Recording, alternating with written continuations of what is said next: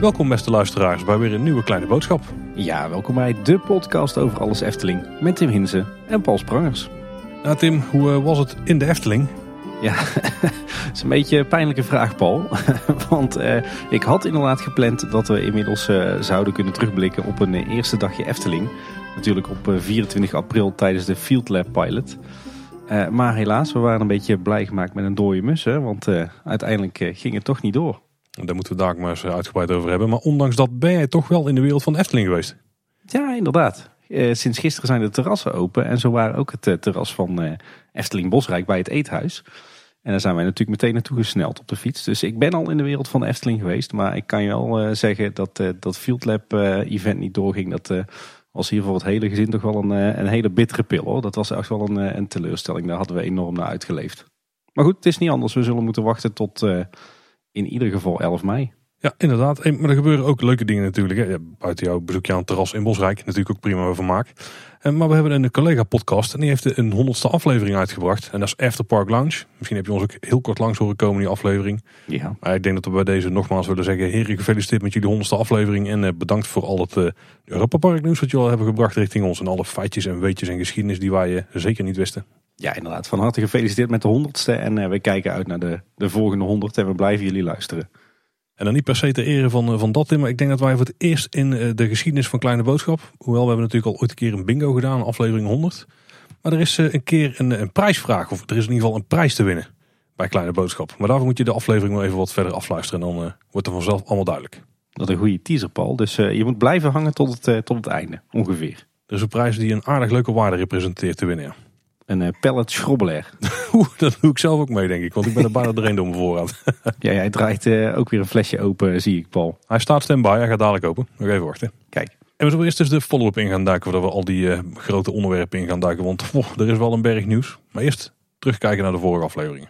Ja, we kregen een, eh, een reactie van Luc op eh, onze vorige nieuwsaflevering. Dat was eh, aflevering 209 alweer. En Luc die schrijft, een glijbaan heeft volgens de E NEN EN 1176 een, vrije ruimte. Dit is een soort cilinder rond de baan waar je doorglijdt. Binnen deze zone mogen geen obstakels zijn. Dus waarschijnlijk hangen de tanden buiten dit bereik. En dat ging natuurlijk over de, de drakenglijbaan in eh Speelbosnest. Hè? Ja, dat is hetzelfde als met een achtbaan eigenlijk. Hè. En dat we natuurlijk wel, was natuurlijk een geintje. Maar eh, goed om even bevestigd te hebben dat daar ook strenge regels voor gelden. Net zoals bij achtbanen en eh, andere attracties in het park. Inclusief de bijbehorende NEN-norm. Daar, eh, daar houden we van, hè, van dat soort details. Ik weet niet of iedereen ervan houdt, maar het is goed dat we het even meenemen. En dan ook nog wat follow-up op aflevering 210. Dat was de vorige aflevering Efteling en de Media deel 2, samen met Bjorn. Carlo van Schijnel die eh, schreef dat hij een kleine correctie had. Jullie zeiden dat Sterrenslag en Way of Life opgenomen werden op het Circusveld, later de Brink. Maar Sterrenslag werd er inderdaad opgenomen, maar het stadion van Way of Life stond op de plek van het huidige Efteling Theater. In verband met Fata Morgana als hoofdthema. En van het muziekprogramma op volle toeren met presentator Giel Montagne werd jaarlijks in de zomer ook altijd wel een aflevering opgenomen in Efteling. Ook weer van de Tros. Kijk, een mooie aanvulling. Nog meer media dingen in de Efteling. Ja. Verder kregen we nog een eh, berichtje van Erwin. Die schrijft, eh, wist je trouwens dat Jokie muziekclips, sprookjes van Klaas Vaak en Ravelijn ook op Ziggo On Demand te zien zijn? Zonder reclames, zoals je die steeds op YouTube te zien krijgt.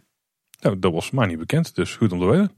Ja, heeft de Efteling toch een klein beetje een eh, eigen tv-kanaal. Ja. En we kregen ook nog een berichtje van een insider. Die schreef over sprookjes. Ik kan me herinneren dat de makers in oktober naar locaties gingen scouten. Ze waren toen ook bij die Piranha geweest.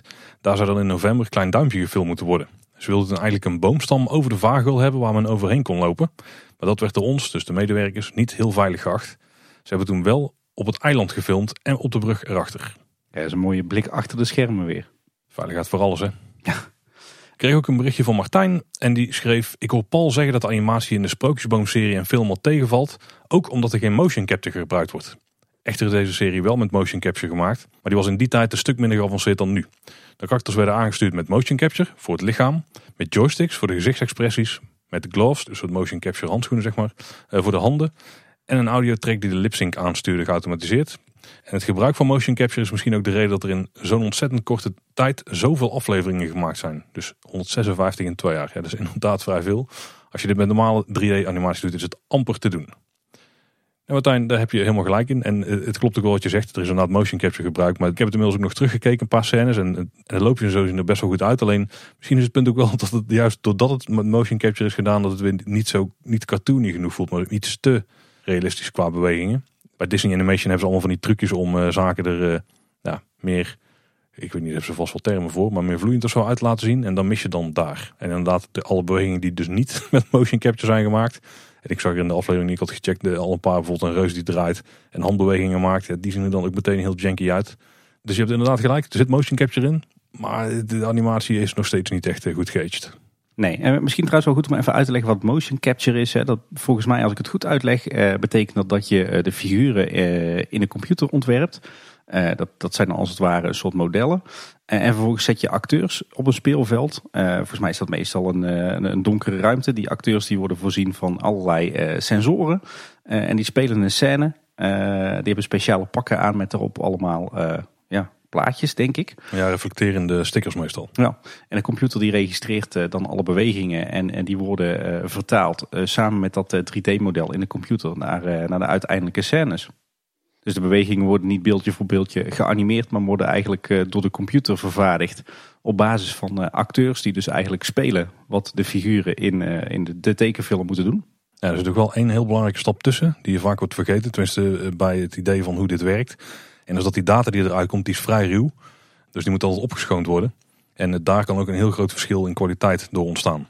Als je de data van een beweging één op één zou projecteren op die modellen, dan zal je zien dat ze heel erg uh, ja, verspringen op punten en zo. Dus dat het totaal niet realistisch wordt. Bijna dat er renderfouten in zitten of zo. Dus die signalen moeten echt helemaal schoongemaakt worden en die worden dan gebruikt als input. En daar zit ook nog altijd vertaalslag in die wel heel veel verschil kan maken. Kijk, weer wat geleerd. En dat was een mailtje van, uh, van Martijn Mostert. We kregen ook een mailtje van Martijn Walter. Heel veel Martijns deze, deze keer. En hij schrijft, uh, luisterend naar jullie eerste aflevering over Efteling en media... genoot ik van de uitvoerige besprekingen van onder andere Peter en de Vliegende Autobus. Het is natuurlijk een bekend voorbeeld bij Efteling-liefhebbers. Tijdens het luisteren zat ik te hopen dat jullie het over de film Voorbij Voorbij zouden gaan hebben. Een veel onbekender voorbeeld en jammer genoeg bleef deze film dan ook onbesproken. En dat terwijl deze film door niemand minder dan Paul Verhoeven is geregisseerd. Op bol.com is de DVD-box De Vroege Films van Paul, Paul Verhoeven te bestellen voor 19,99 euro. De film is in 1981 uitgekomen, maar Wikipedia leert ons dat deze in 1979 is opgenomen. Hoogwaardige beelden van de Efteling uit de jaren 70 dienen we te koesteren en dat maakt dit tot een, eh, een absolute aanrader. En Martijn die, eh, die legt ook nog even uit waar de film over gaat. De film die draait rond de oud-verzetsheld Ab. Die eh, herkent een eh, oud SS'er in een Duitse tourbus. En hij trommelt dan eh, zijn oude verzetskameraden op om die SS'er om te leggen. hij blijkt op groepsreis door Nederland te zijn. En daarbij wordt ook de Efteling bezocht. En in de Efteling ontstaat dan een achtervolging door het Sprookjesbos en het, het Westerpark, wat we nu kennen als het Marenrijk, richting het oude station Noord. En uiteindelijk komt het tot een soort van apotheose in een rijdende stoomtrein. Waarbij het erop lijkt dat het eh, tot een liquidatie gaat komen van die oud-SS'er. Maar uiteindelijk wordt dat eh, verhinderd door een eh, groep kinderen. Dus we zien daar ja, beelden van de Efteling eind jaren 70 in een vrij onbekende film van Paul Verhoeven. Dat, dat wisten we niet. Dus Martijn, super bedankt voor die tip. Ja, goed gevonden. En Bjorn is inmiddels al aan het speuren. Zoals goed is gaat hij binnenkort wat beeldjes hiervan screenshot en tweeten. Maar als je googelt, dan zie je dus ook een eh, screenshot uit de film. En dan zie je dus dat een van de acteurs in de stoomtrein van de Efteling zit met een Luger, zo'n uh, Duits uh, geweer. Wat hij dan aan het, in elkaar aan het zetten is voor die liquidatie. Dus dat is ook best wel iets wat je niet direct bij de Efteling zou verwachten. Maar als we hier meer over weten, dan laat het jullie horen. Heel tof gevonden, echt heel tof. Ja, voorbij, voorbij heet film. Ik zei net volgens mij dat aflevering 210 de vorige aflevering was. Er zaten dit keer natuurlijk twee onderwerpafleveringen voor deze aflevering. Want de vorige aflevering was ons interview met Jacques Rijnen. Daar hebben we ook twee uh, stukjes feedback op gekregen. Het ging namelijk uitgebreid over het klaterwatersysteem. En Giertje64 op Twitter die heeft een eh, uitgebreid processchema boven water weten te krijgen. Uit een milieurapport. En daar kun je eigenlijk het hele systeem schematisch zien hoe het precies in elkaar steekt. Ja, en wat een geweldige print is dat. Hè? Is, dit is echt voor mij als civiel techneut echt hardcore porno. ik heb echt uh, zitten kwijlen boven die, uh, boven die prent. Als je, als je die kan lezen, dan, uh, dan weet je dus echt tot in het allerkleinste detail hoe alle vijvers en sloten en leidingen binnen de Efteling aan elkaar gekoppeld zitten. Dus dat is echt een, een aanrader om daarnaar te kijken. we zetten de link natuurlijk even in de show notes. En misschien een tip voor mensen die, die het lastig vinden om dit soort plaatjes te lezen. Je hoeft eigenlijk maar één ding te doen. En dat is te beginnen bij het begin. En dat is links onder in de afbeelding bij, bij de RWZI. Oftewel de rioolwaterzuiveringsinstallatie van Kaatsheuvel. En vanuit daar moet je eigenlijk alleen maar de pijltjes volgen. En als je dat doet, dan weet je precies hoe alle vijvers in de Efteling aan elkaar geknoopt zijn. En dat is behoorlijk ingenieus. Oh, pijltjes volgen, dat kan ik wel. En maar er komt nog iets boven water. Ha, snap je hem? Haha, goed bezig Paul. Als we zo'n zo'n soundboard zouden hebben, dan zou ik nou een roffel geven. Padum tats. Precies. Want het ging toen tijdens die aflevering over een fontein die jij had gespot volgens mij aan de Eftelingse straat. Mhm. Waar een waterleiding was geraakt. En daar blijken foto's van te zijn. Of in ieder geval één foto. En die staat inmiddels ook online. Leon Efteling heeft die, die getweet. Met zijn Er Was Eens Twitter account. En daarin zie je dus mooi een fonteintje omhoog komen. En die is vrij groot en heeft vrij veel volume. Maar als ik het bijschrift goed begreep, dan eh, kwam die zelfs nog tot hendig aan de bomen, zeg maar. Dus die was nog veel groter in het begin van de, de ellende. Ik heb hem aan het begin gezien, toen kwam hij inderdaad tot in de boomtop. Ja, dat was een aardig uh, fonteintje, ja. Dus ga dat zeker checken in de show notes. Ja, en dan Paul wordt het uh, volgens mij de hoogste tijd om uh, het nieuws in te duiken. Want jij zei het net al, er zitten twee onderwerpafleveringen tussen de vorige nieuwsaflevering en deze. Dus we hebben extra veel te bespreken deze keer. Nou, ik denk wel afgaan op de eerste week dat we zeg maar even geen nieuws hadden. Dan viel het allemaal nog wel mee. Ja, er was natuurlijk wel te doen om de Field Lab gebeuren. Maar de afgelopen weken is er echt een berg nieuws naar boven gekomen in één keer. Het is net dat de Efteling toch weer richting openstelling aan het werk is. Ja, en als je dan bedenkt dat het park onderhand bijna een half jaar dicht is. En dan toch weer uh, zo'n berg nieuws uh, in een periode van drie weken. Ik, uh, ik stond er erg van te kijken. Nou, laten we eens beginnen met de bezoekersaantal en financiële cijfers van 2020. Want die zijn inmiddels bekend. En we gaan nu even globaal er doorheen lopen. Want je zou het niet verwachten Tim, maar we gaan hier nog een keer heel erg diep op in. Ja, want naast die, die getalletjes die, die overal in de pers zijn verschenen de afgelopen week, is ook het echte jaarverslag over 2020 inmiddels beschikbaar. Wij hebben die ook toegestuurd gekregen van de Efteling. En we zijn die ondertussen druk aan het bestuderen. Niet alleen wij trouwens, maar ook Roel van Tilborg. Want later dit, dit voorjaar, of zo rond de zomer, dan komt er een soort van deel 3 uit van de serie Financiën van de Efteling. We gaan hem gewoon de Financiën van de Efteling 2020 noemen. Want dan kunnen we ieder jaar kunnen we hem updaten als nodig is. Ja, precies. Maar de, deze keer wordt hij wel erg interessant, denk ik. Maar, maar goed, er zijn dus een aantal basale cijfers al wel bekend. Het belangrijkste, denk ik, is dat de Efteling in 2020 2,9 miljoen bezoeken heeft geteld. Ja, en in 2019 waren dat nog 5,26 miljoen bezoeken. Dus dat is een daling van 45 procent. Zo ongeveer de helft hè, waar fonds op duiden. Maar zoals we al zeiden gaat er niet vanuit dat er exact 50 procent is. Daar is eigenlijk het bezoekersaantal van 25 jaar geleden mee geëvenaard. Ja, dus we zitten eigenlijk weer terug op het niveau van 1996 nu. Nou, laat het een tijdelijke dip zijn, hoop ik. Het park is in totaal 98 dagen dicht geweest, dus 14 weken. En voor iedereen die mee aan het schrijven was, dit was de tiebreak-vraag in de glazen bol aflevering. Toen wij schot voor de boeg gedaan wat wij dachten dat het aantal bezoekers over 2020 zou zijn. Volgens mij mocht ik gokken. Ik ging voor 3,1 miljoen. En jij zei het, ligt daar net iets boven. Toen wisten we natuurlijk nog niet dat de Efteling nog langer dicht zou zijn. Nee. Ik denk als dat niet was gebeurd, omdat wij er ontzettend dicht bij in de buurt hadden gezeten. Ja, precies. Maar we zaten er nu ook nog niet ver vanaf trouwens. Ja, dat wordt nog, uh, wordt nog spannend uh, in onze uh, volgende glazen bol aflevering, denk ik. Maar, maar even in de algemene zin. Ik moet zeggen 2,9 miljoen bezoeken vorig jaar. Het valt mij ook weer niet heel erg tegen hoor. Ik vind het ook best wel netjes als je ziet hoe lang het park gesloten is geweest. En hoe beperkt de capaciteit af en toe was. Ik, ja, het is natuurlijk een flinke daling. Maar het is, het is minder erg dan ik had verwacht. Ja het, ja, het ligt wel redelijk in de lijn die ik had verwacht eigenlijk. Dus niet verkeerd. Nee. Wat wel interessant is, is dat uh, het, het, aantal bezoeken met uh, 45% daalde, maar de omzet daalde maar met 38,3% naar uh, 140 miljoen euro. Dat is nog steeds wel een, een flinke daling als je bekijkt dat de jaren daarvoor iedere keer ruim boven de 200 miljoen euro omzet werd gedraaid. Maar toch nog steeds denk ik een respectabel bedrag. Er waren natuurlijk minder inkomsten, maar er waren blijkbaar ook flink minder uitgaven. Want het verlies bedroeg 14,5 miljoen euro. Eerder was overigens verwacht dat het 17 miljoen euro verlies zou zijn. Dus wat dat betreft viel het misschien niet mee. En we hebben het even gecheckt en dit is inclusief de steun van de stichting en ook inclusief de NOW-gelden die ze hebben gekregen. Dus het is echt water op uit is gekomen. Dus je ziet wel dat ze ook flink in de kosten hebben gesneden. Want anders was het verlies natuurlijk nog veel groter geweest. Ja, ik ben inderdaad wel benieuwd naar, naar de hoogte van die, van die kosten waar ze dus op hebben kunnen beknibbelen. Maar dat gaan we vanzelf zien als we het, het jaarverslag gaan bestuderen. Maar je zou kunnen zeggen dat ze nu uh, ongeveer hetzelfde bedrag verlies hebben gedraaid als wat ze normaal gesproken aan uh, winst draaien in een goed jaar. Ja, dat klopt wel. Ja.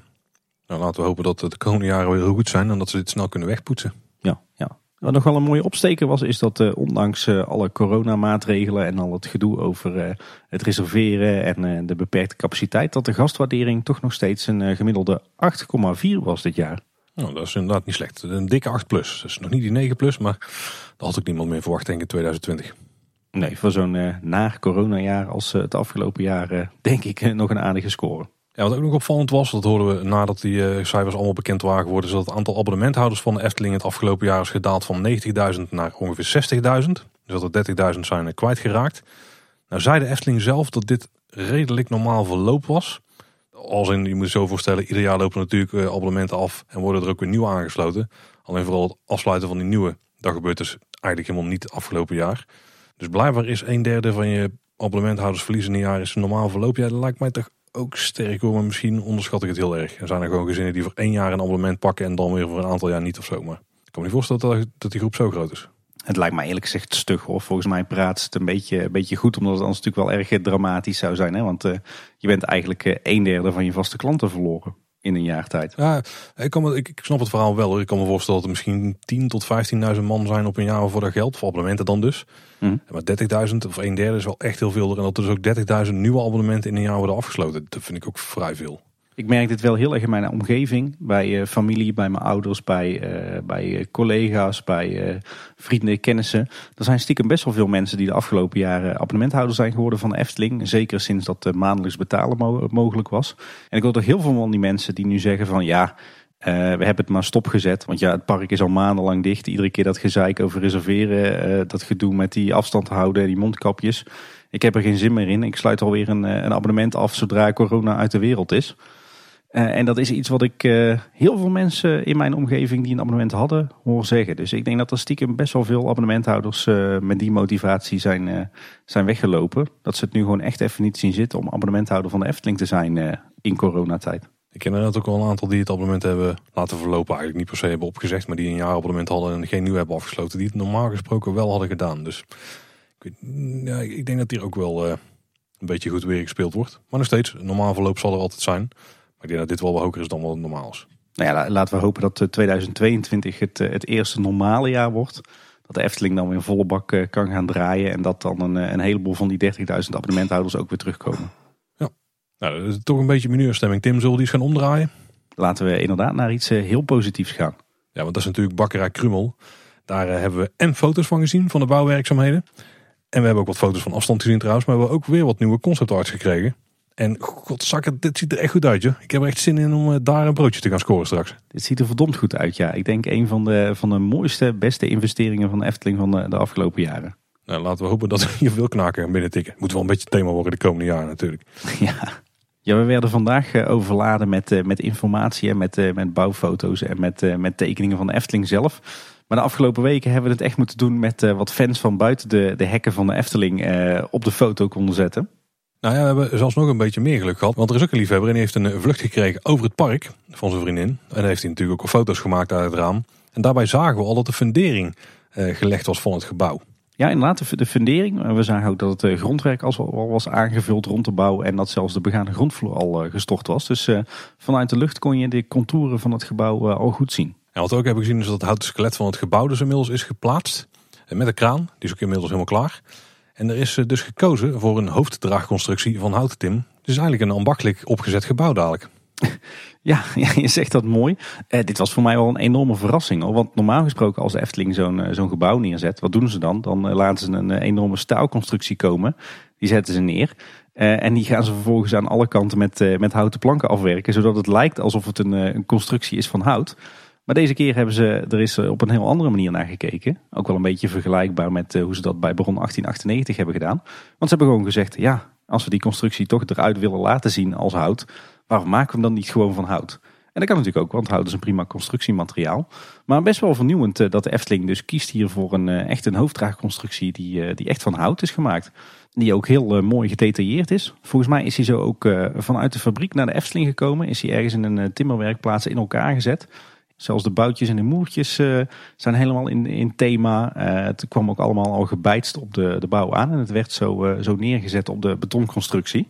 Dus ook nog eens een, een, een, voordeel natuurlijk van deze bouwwijze. Dat je gewoon ja, zo'n beetje de hele constructie van het gebouw in een timmerwerkplaats kunt maken. En daarna gewoon met de hijskraan in het park neerzet. Je hebt het over het hout. Want er is ook nog een blogbericht uitgekomen. Er stond al meer details stonden daarin.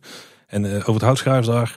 Het zijn typisch vormgegeven spanten die aan de binnenkant mooi zichtbaar blijven van een duurzaam gezaagd inlands Douglas hout met een FSC-keurmerk. Volgens mij is dat redelijk standaard, hè? je kunt er bijna niet meer onderuit. Nee, tegenwoordig wel ja. Voor het geraamte zijn de kernen van de stammen gebruikt. De planken die komen aan de buitenkant van het gebouw.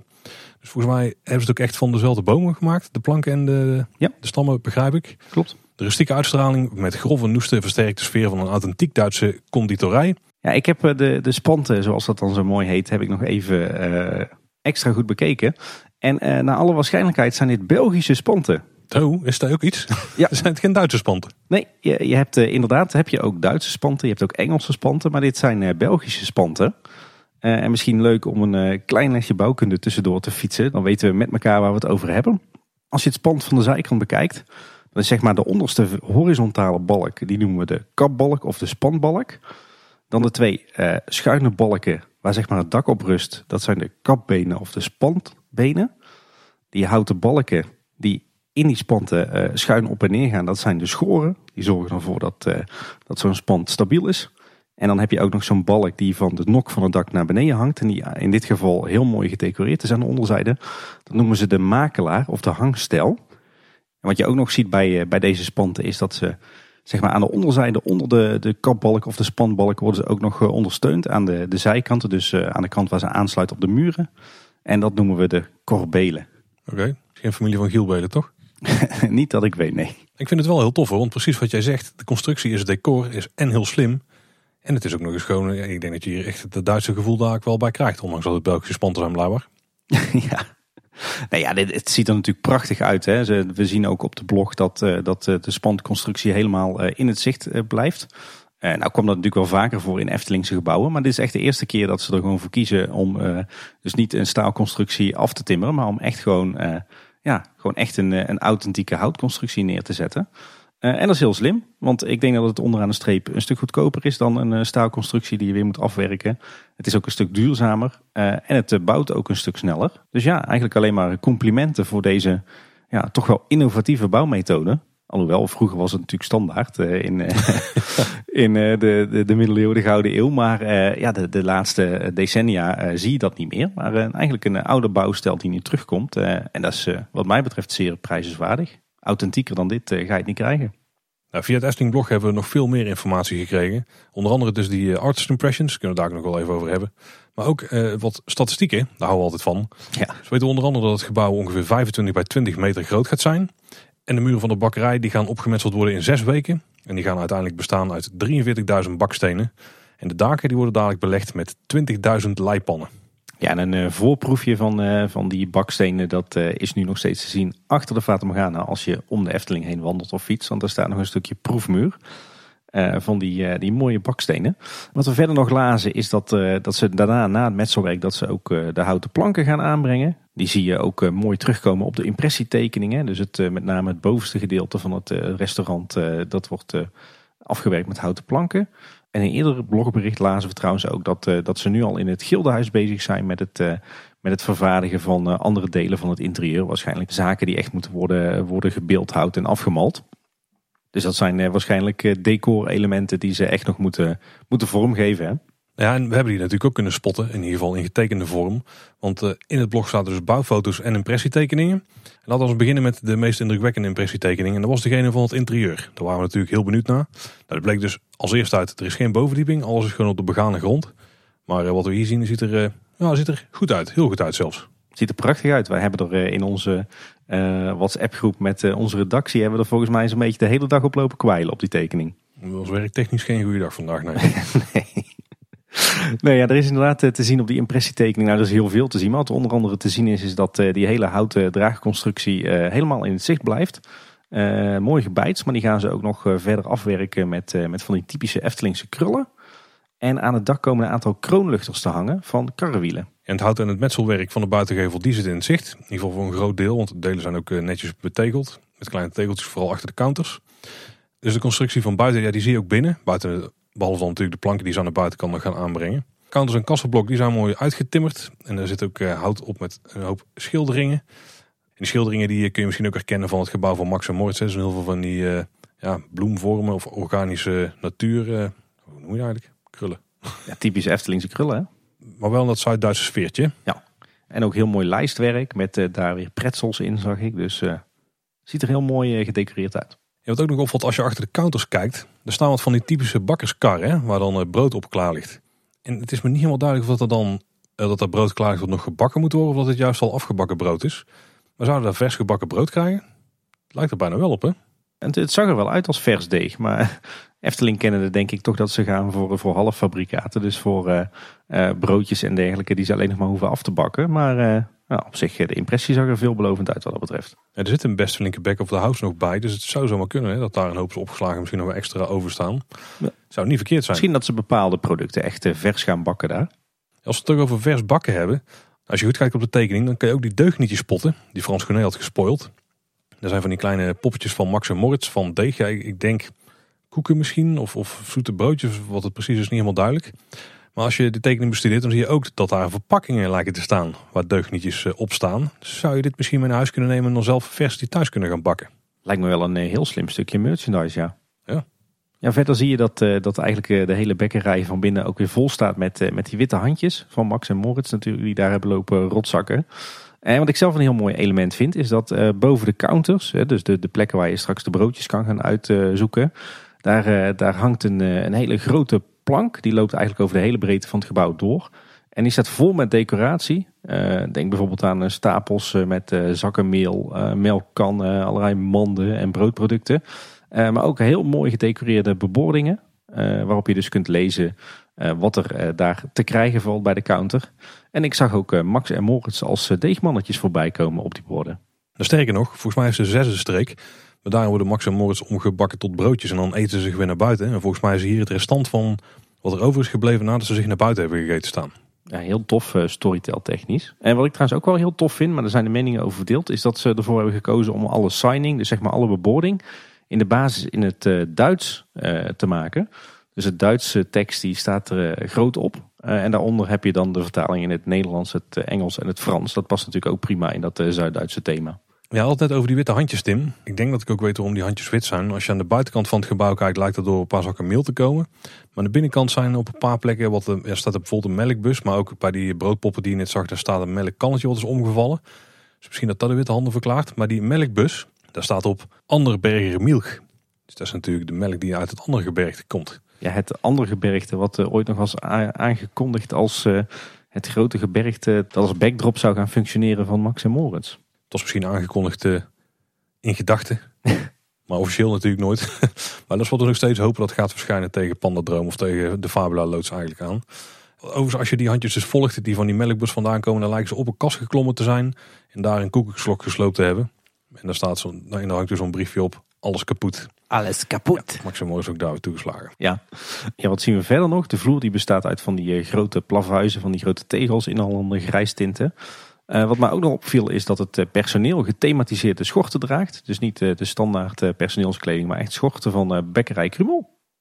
Ja, ik moet zeggen, alles bij elkaar opgeteld vind ik dat Bekkerij Krumel, zeker aan de binnenkant, en er heel erg Eftelings uitziet. maar tegelijkertijd ook, ook wel echt dat Zuid-Duitse sfeertje heeft. En het sluit ergens toch ook alweer aan op de, de thematisering en het decor van Max en Moritz. Dus ik moet zeggen, een hele knappe, subtiele, stijlvolle mix van, van stijlen hier. Ja, we gaan er wel bijna aan voorbij. Maar als ik naar de tekening kijk van het interieur, dan valt mij ook nog iets op helemaal achterin. Uh, laten we eerst eens even de, de wand aan de, de, de rechterzijwand zeg maar, afgaan. Als we de tekening dus voor ons hebben. Dan zien we namelijk dus de, dingen die gebeuren achter de kassa's. Of achter de balies eigenlijk moet ik zeggen. En er lijkt een doorgang te zijn naar een soort back of the house uh, gebiedje op twee punten. Dus met twee deuren die die kant op gaan. En als je dan ook de tekening vergelijkt met de plattegronden die Eftelis boven water heeft gekregen. Dan uh, zie je dus ook dat er inderdaad een back of the house stukje zit. Volgens mij is één deel buiten. Dat zal een soort overkapping zijn. Zal wel zijn voor uh, containers en dat soort zaken. Maar er is ook echt een stukje binnen. Maar als je dan nog iets verder kijkt, dan lijkt daar een half ronde opening te zijn. En die gaat dus naar het uh, restauratiegedeelte. Dus het deel waar je kunt zitten straks. Gewoon op bankjes, vermoed ik. En als je daar heel goed in tuurt, het is heel donker daarachter. Maar dan lijken daar toch wel deuren te zitten. En daar hangen ook weer van die deegpoppetjes bij. En ik herken dat toch wel enigszins ja, misschien een mannetje in of misschien een, vrouwtje, ik weet het niet. Maar ik hoop Tim dat daar deuren komen te zitten naar een toiletgroep of toiletgroepen. Ik uh, hoop uh, met je mee. Uh, zou heel mooi zijn, zeker op deze locatie. U hebt het al vaker gezegd. Voor mij zag het er wel echt uit als een doorgang naar de back of the house. Zeker omdat je dan eigenlijk voorbij de kassablokken moet lopen. En voor mijn gevoel klopt het niet dat als je zit te eten en je moet naar het toilet, dat je dan achter de kassa langs moet lopen om daar te komen. Dus dat, dat voelde uh, een beetje raar. Maar misschien zie ik het verkeerd. Uh, ik, ik hoop met je mee. Nou, dat is wel goed dat je het even aanhaalt. Want wat er volgens mij het geval is, is als je het conceptart hebt, dan uh, bestel je hier. Dus je komt binnen zeg maar ongeveer links achter je als je hier zo staat op dit punt. Of eigenlijk links van je denk ik.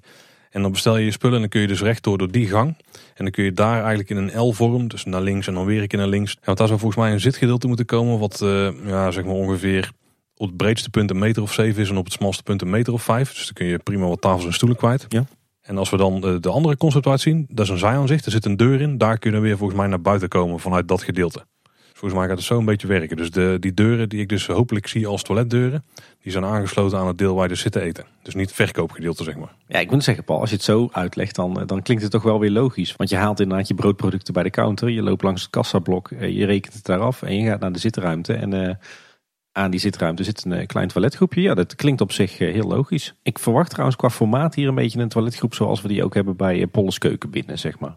Ja, ik denk dat het iets groter kan worden. Ik ben geen toiletgroep expert, maar ik, er is een plattegrondje dus nogmaals. En daar kun je een beetje de maat op zien. En dan zou je ruimte zijn voor twee toiletgroepen van ongeveer 3,5 bij ja, een meter of 5 of zo, denk ik. En als ik het een beetje zo uitreken hoe breed een toilethokje is, dan zou je daar toch op met, met gemak vijf hokjes naast elkaar moeten kunnen maken. Misschien zelfs wel zes. Op het gemak, hij, hij, hij maakt hem gewoon. Uh, was zeer onbewust, maar ik own hem gewoon. Dank je. En daarmee zijn ze wel groter dan bij Polles Keuk. Want de heer is daar volgens mij maar twee toiletten en één urinoir of zo. En bij de vrouwen drie toiletten volgens mij. Ja, dus zelfs iets groter dan eh, bij Polles Keuken. In theorie, hè? Volgens mij moet een toilethokje minimaal 90 centimeter breed zijn. Dus uh, nou, tel maar uit. Ja, dus vijf past makkelijk. Ja. En dan nog een paar wastafels en een verschoonplek. Dit zou een prima toiletgroep kunnen worden voor uh, een restaurantje als dit. Wij zijn voor, maar dat uh, mag geen verrassing heten. Nou, zit dan wel een beetje verstopt ten opzichte van vrouw Bolters Kuch. Het zou eigenlijk wel mooi zijn als het een gedeeld blok zou kunnen zijn. Maar ja. moet altijd iets hebben waar we over kunnen klagen. En wie weet zit er ook gewoon een zijingang in straks. dat weten we nog niet, hè? Nooit handig, een verstopt toilet. Nee, dat is zeker niet goed. En er zat ook nog een, eh, een andere tekening bij de blog. Een uh, gevelaanzicht dat we nog niet, uh, niet, nog niet eerder hebben gezien. Het aanzicht van de zijgevel. Ook weer wat, wat mooie details. Zo komt er een prachtig uithangbord te hangen aan de gevel. daar staat trouwens ook mooi boven Zeit 1865. Zeg ik even uit het hoofd. 1865 is natuurlijk het, het jaartal waar de originele vertelling van Wilhelm Busch vandaan komt. Uh, verder ook hier weer uh, hele mooie bebordingen en uh, muurschilderingen met die typisch Eftelingse en Zuid-Duitse krullen. hele mooie houten deuren, ook mooie kozijntjes en luiken. Dus allemaal heel erg fraai gedetailleerd. En best wel wat zitplekken nog die buiten aan de gevel zitten. Ja, op deze tekening lijken ze toevallig op gepaste afstand te zitten zoals voor deze tijden. Maar ik denk dat dat onbewust is. Ja. En er is ook nog een detail wat ook heel tof is. Want in dit aanzicht zien we ook de zijkant van de voorkant, om het zo maar te noemen. En daar hangt een, een uithangbordje aan met een boterham met een hap eruit. Maar daarbovenop, daar staat dus een poppetje. En dat lijkt dus Bekker Krumel zelf te zijn.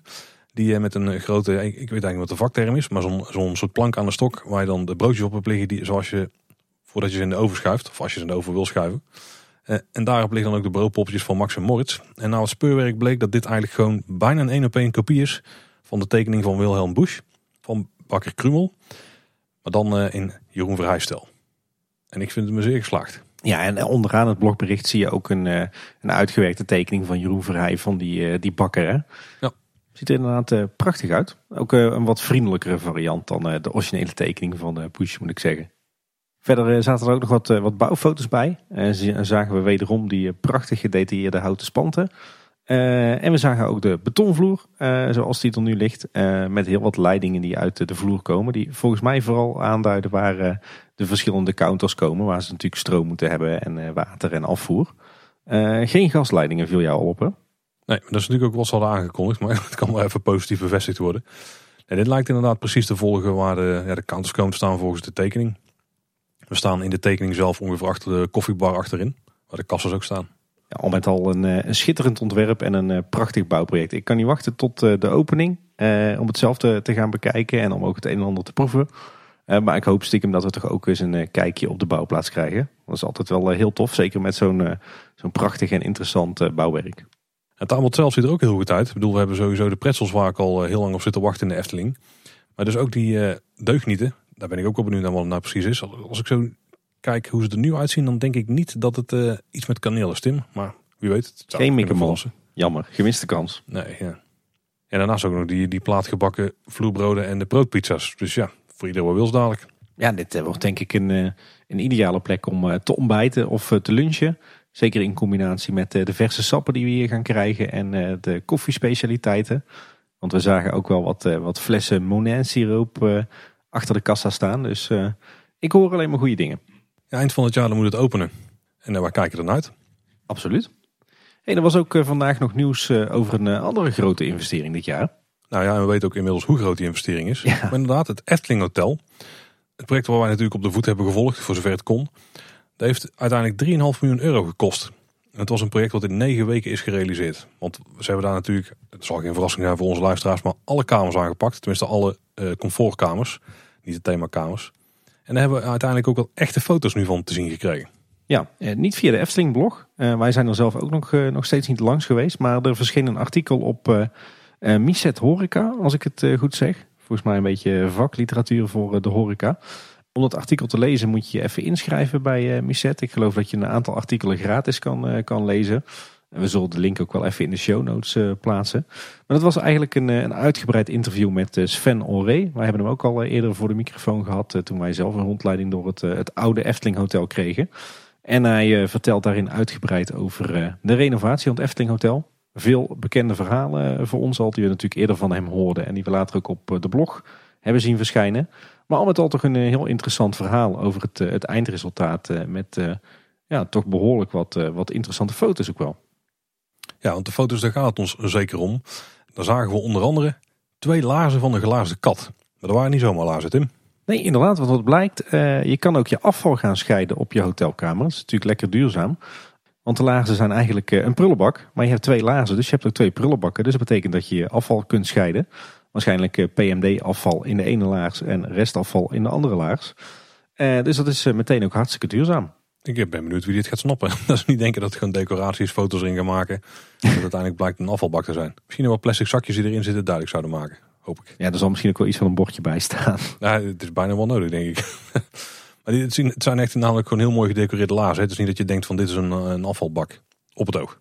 Nee, op zich wel uh, mooi gevonden, denk ik. En daarnaast viel nog een aantal interessante dingen op. Want een van de ja, kritiekpuntjes misschien die we hadden... is dat ten opzichte van het vorige behang bijvoorbeeld dat er best wel veel eh, van de Efteling figuren waren verdwenen. Maar wat blijkt nou? Het nogal wazige printje op het eerste oog van de nieuwe behang. Er was een soort wolken ja, patroon of zo. Maar als je dus heel goed kijkt, dan blijken daar dus ook Efteling figuren in verstopt te zitten. Ja, inderdaad. En wij hebben met onze redactie hebben we zitten spotten. er is uh, heel veel werk ingestoken. Maar we zien uh, onder andere een elfje uit Droomvlucht. De vliegende fakir en uh, de, de typische Anton Pieck heks op een bezem terug in het behang. En er zullen vast nog veel meer figuren in verstopt zijn. Maar dit is misschien nog wel subtieler dan het vorige behang. Ja. ja, sowieso viel mij op. Ik was van tevoren heel erg bang dat de kamers ontzettend donker zouden worden van al dat blauw. Maar ik moet zeggen, het, eh, het behang is best wel goed uitgevallen. Het is, eh, het is heel erg lichtblauw. Uh, dus dat maakt de kamers toch wat lichter. Ik moet zeggen dat, dat de interieurelement, dus het bed en al het meubilair, dat dat veelal wel koningsblauw is. Dus echt dat diepe blauw en, en goud. Maar dankzij het behang is het dus niet helemaal pikken donker in die hotelkamers. En als je het dan toch over blauw en goud hebt, nou voeg de marmer aan toe. En dan krijg je een redelijke indruk van hoe de badkamer eruit ziet. Want die is uh, die, eigenlijk bijna diezelfde kleurstelling. En dan door het marmer dus wat lichter. Er zit overigens ook weer zo'n verstopte tekst in. Dat is zo'n spiegelschrift tekst. Die zat vroeger op het dressoir volgens mij. En dan kon je in de spiegel kon je een tekstje lezen. Voor, een grapje voor kinderen. Maar die zit nu op de muur in de badkamer. En via de spiegel kun je hem dan eh, goed lezen. Ja, en ik geloof dat er voor de kinderen ook een soort krukje is. Uh, maar dat is in de vorm van een, van een koffer. En daar staat ook een leuk tekstje op. En een ander detail wat mij nog opviel is dat er ook een duidelijke foto bij zat van de sloten. En dat bleken salto sloten te zijn. Dan ken ik die op zich niet. Eh, maar er stond ook een RFID-icoontje op. En dit zijn dus die slimme sloten die je dus kunt openen maakt dadelijk met de Efteling app en waarschijnlijk ook met een keycard. Ja, dan hadden ze ook beloofd hè, dat je dat met, eh, met de Efteling app je eigen hotelkamer kan gaan openen. Ja, al met al toch leuk om, uh, om zo via deze weg een inkijkje te krijgen in dit project. En vooral het, het eindresultaat. Al kan ik niet wachten om hier ook zelf eens te gaan kijken wat het geworden is. In de vorige nieuwsaflevering hadden we al te horen gekregen dat er een warmte opslag zou komen bij Aquanura rondom de vijver daar. Inmiddels hebben we daar wat nadere toelichting van de Efteling op gekregen, Tim. Ik weet niet of dat ook iets is wat jij heel graag in het echt wil gaan aanschouwen. Maar dat is heel lastig denk ik, want het is vrij onzichtbaar. Ja, precies. Overigens wel uh, toelichting na ons aandringen, omdat we dit zo, uh, zo interessant uh, vinden. En we hebben wat, wat meer informatie gekregen over dat, die warmte-koude opslag die ze gaan maken, dus rond de Aquanura vijver. allereerst bevestigd dat die boorwerkzaamheden die we vorig jaar zagen, zeg maar op de hoek van een theater bij de, de wandelwagenstalling. Dat het inderdaad een proefboring was waarbij ze op zoek gingen naar, naar een goede bron voor deze nieuwe warmte-koude opslag. Uh, verder uh, is ons verteld dat die nieuwe warmte-koude opslag, uh, de Fata Morgana, inclusief het, het, evenementencomplex en de bazaar, gaat verwarmen en koelen. Maar ook Fabula en het Efteling Theater. Op zich bijzonder, want ik heb altijd gedacht dat het theater als een eigen warmte-koude opslag had. Omdat het daar in de zomer echt ijzingwekkend koel is. Maar blijkbaar had hij gewoon een, een, traditionele koelinstallatie met een vetvermogen. Maar dat, dat wordt nu dus ook warmte-koude opslag. Nou, die impressie had ik al gekregen recent. Er ligt de teaser naar een toekomstige aflevering. Maar laten we zo zeggen, we hebben niet zo heel veel van die kasten vandaan gestaan een paar weken geleden. En ik had er niet het idee dat dit een warmte-koude systeem was. Maar dat het gewoon echt enorme lompe airco-systemen waren of luchtbehandelingssystemen. In ieder geval wel doeltreffende luchtbehandelingssystemen. Uh, we hebben ook nog gevraagd van hoe zit het nou met die koppeling met de vijver. Hè? Gaat dit systeem nou ook het vijverwater koelen in uh, de zomer en verwarmen in de winter? Dat zou namelijk een, een enorme uh, verduurzaming zijn. maar daar hebben we nog geen reactie op gehad van de Efteling. Dus ik denk dat ze daar zelf ook nog wat op zitten dokteren.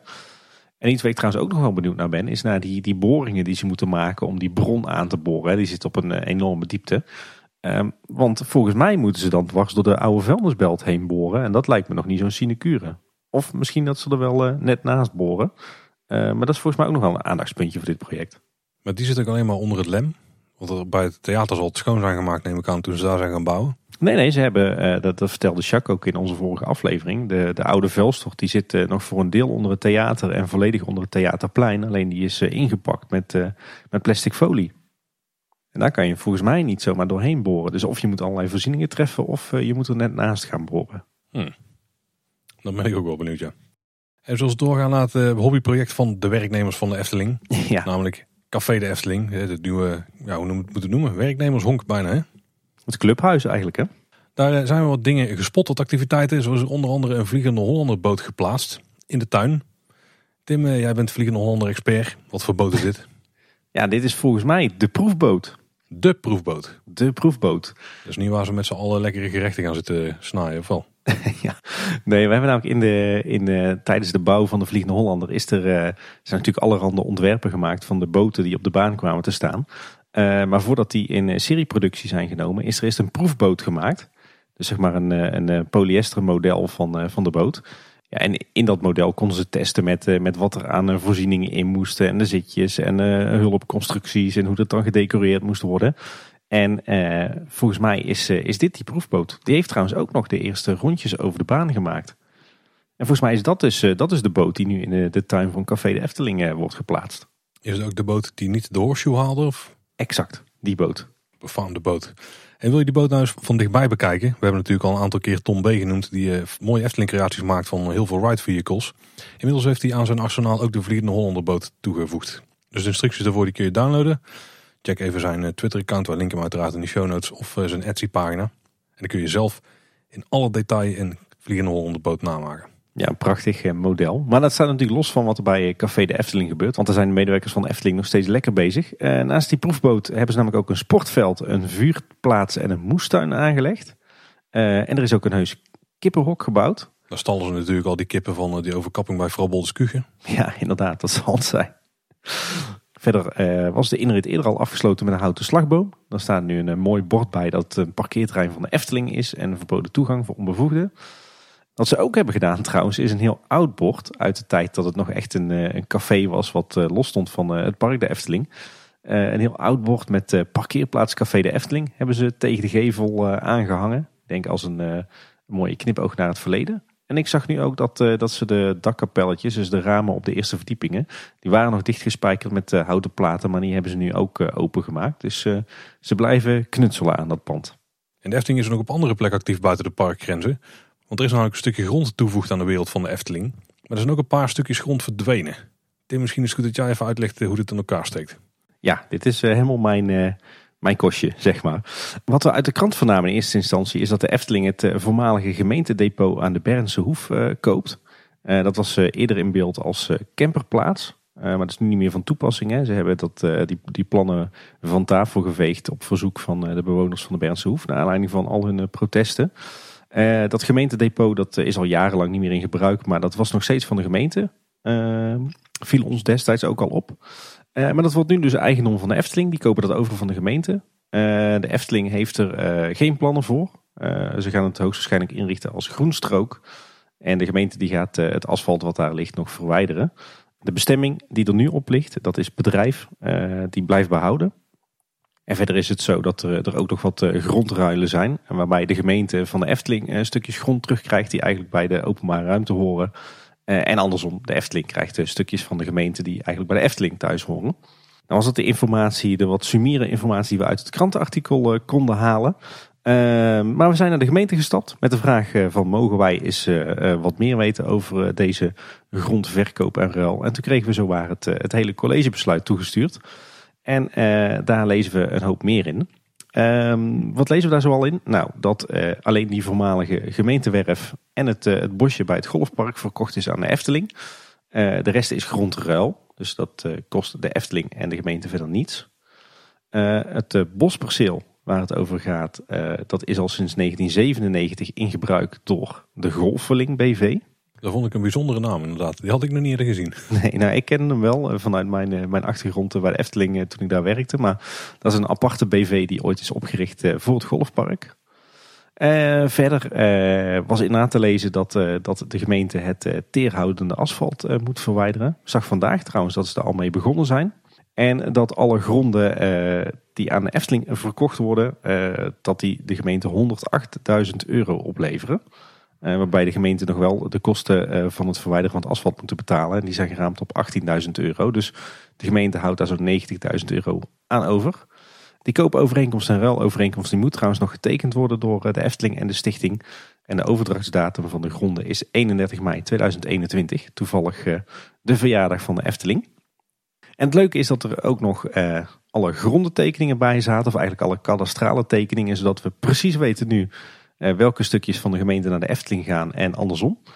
En eh, er was nog een behoorlijke puzzel, maar wel een hele leuke puzzel eh, voor mij moet ik zeggen om te achterhalen wat het nou, waar het precies om ging. maar het is me gelukt. Wat wordt nou door de Efteling, BV en Stichting Natuurpark de Efteling aan de gemeente verkocht? Overigens voor een prijs van 1 euro, dus dat is echt een symbolisch bedrag. Het blijkt dat een heel stuk weg van de Berendse Hoef ter hoogte van het golfpark van de Efteling was. Nou ja, dat is natuurlijk openbare weg, dus die gaat terug naar de gemeente. Uh, een stukje stoep bij de entree van het dienstencentrum was van de Efteling, maar wordt van de gemeente. Dan heb je zo'n hele rare hoek, een, een wadi, zeg maar in de bocht waar de verlegde Horst aansluit op de oude Horst en waar je dat fietspad naar de Loonse Duinen hebt. eigenlijk een stukje grond waar de Efteling niks mee kan. dat wordt ook van de gemeente. En de Efteling had verder nog een heel klein streepje grond achter de brandweerkazerne. waar wat verder allemaal gemeentegrond is, dus dat gaat ook naar de gemeente. En het viel me nog op dat de Efteling ook nog allerhande stukjes weg had van de Bernse Hoef en de Duikse Hoef. Onder meer ter hoogte van de, de Manege Hoef, maar ook bij het buurtschap Kraanven. die waren allemaal nog in eigendom van de Efteling. Stukjes openbare weg en die gaan nu ook terug naar de gemeente. Nou, daar staat tegenover dat de Efteling ook een aantal stukjes grond van de gemeente krijgt en een aantal stukjes moet kopen. Nou, zoals we eerder zeiden, de oude gemeentewerf, het gemeentedepot, die gaat dus naar de Efteling. Die aankoop die wordt overigens niet door de BV gedaan, maar door de stichting. Dat is wel even goed om, eh, om te onthouden voor dadelijk.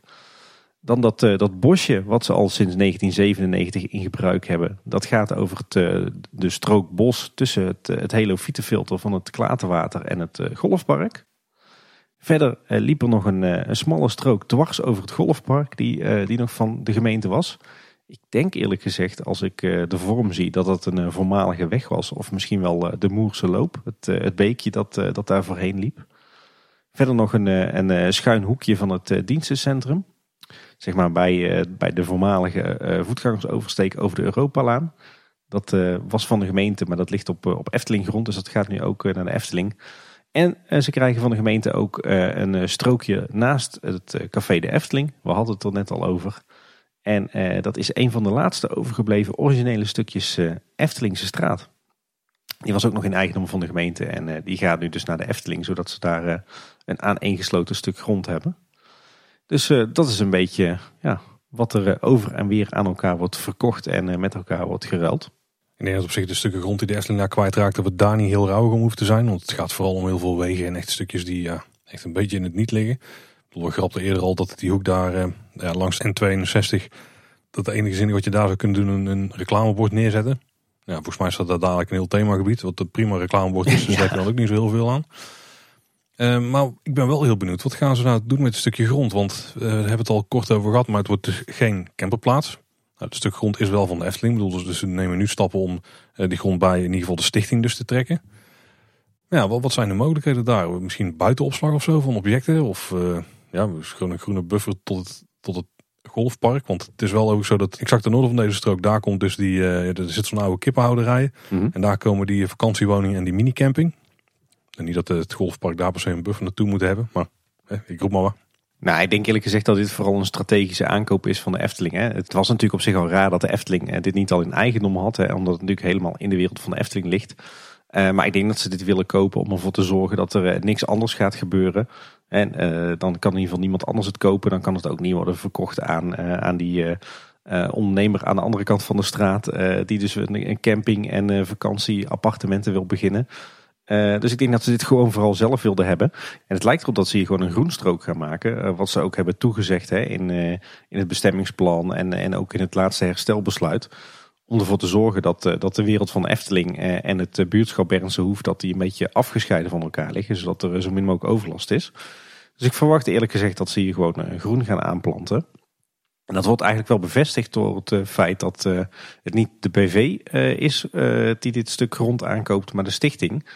Want eigenlijk als je goed kijkt naar de grondenkaart van de wereld van de Efteling, dan is het zo dat alle gronden die in gebruik zijn door, als landbouw of als natuur, die zijn eigendom van de stichting.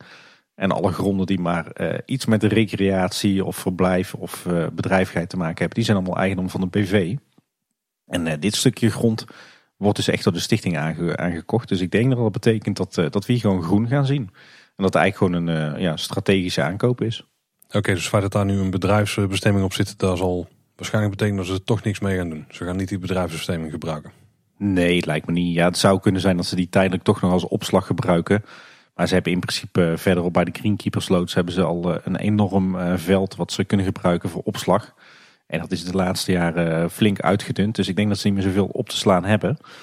Ja, en verder, ja, wat wil je hier doen? En je gaat er ook geen dienstencentrum maken, denk ik, op dat smalle strookje. Want zo groot is het ook niet. Dus nee, ik denk, ik denk dat ze er uh, het gewoon groen gaan inrichten.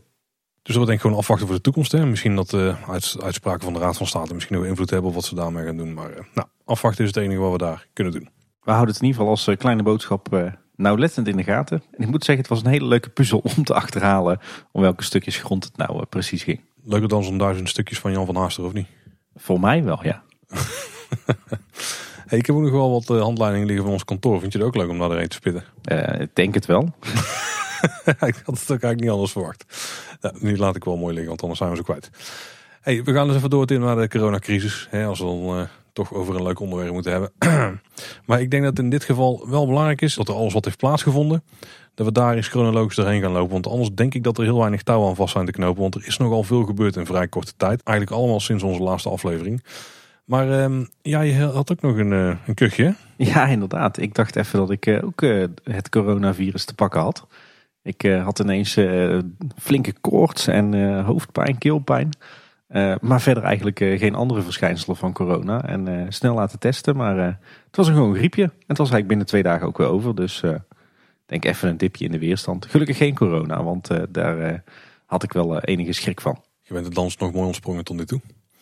Maar zullen we even door de tijdlijn heen lopen. Want het begon eigenlijk op 8 tot en met 10 april. Dus de donderdag tot en met zaterdag van die week. Toen mochten de Efteling-medewerkers in tweetallen een vaste route door het park wandelen. En een paar attracties waren daarbij operationeel. Waaronder Symbolica, Max en Moritz. Dus die konden de, mensen van het personeel ook gewoon doen. En daar zat ook wel een praktisch randje aan. Behalve dat natuurlijk leuk was voor de medewerkers. Maar daar konden ook de mensen die recent een attractiekwalificatie hadden gehad. Die eens in de praktijk uitvoeren. Ja. Want er is natuurlijk nu weinig publiek om het allemaal... Uh, ja, om, om je draaiuren te halen, te halen, zeg maar. Ja, en het was ook vooral een activiteit om de medewerkers uh, een hart onder de riem te steken. Hè. Uh, ik geloof dat er uiteindelijk iets van 1200 medewerkers meededen. Uh, dus ongeveer een derde van het totale personeelsbestand. Er is een hele rondwandeling uitgezet door het park en eigenlijk door de hele wereld van de Efteling. die kwam onder, onder andere ook langs Bekkerij Krumel, langs Speelbos Nest, voerde ook door het Efteling Hotel en langs het Gildenhuis. Dus de medewerkers die meededen aan die, die ludieke wandeling, die kregen meteen ook een aantal nieuwigheden te zien. En dat is natuurlijk ook wel goed voor het moreel.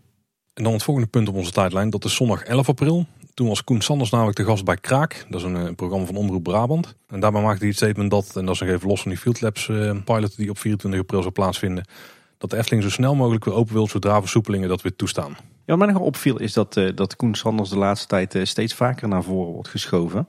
We kennen hem natuurlijk als directeur van crea commercie, creatie en ontwikkeling en uh, hotels en resorts. Um, maar we zien hem nou uh, steeds vaker voorbij komen gewoon als uh, commercieel directeur of commercieel en creatief directeur.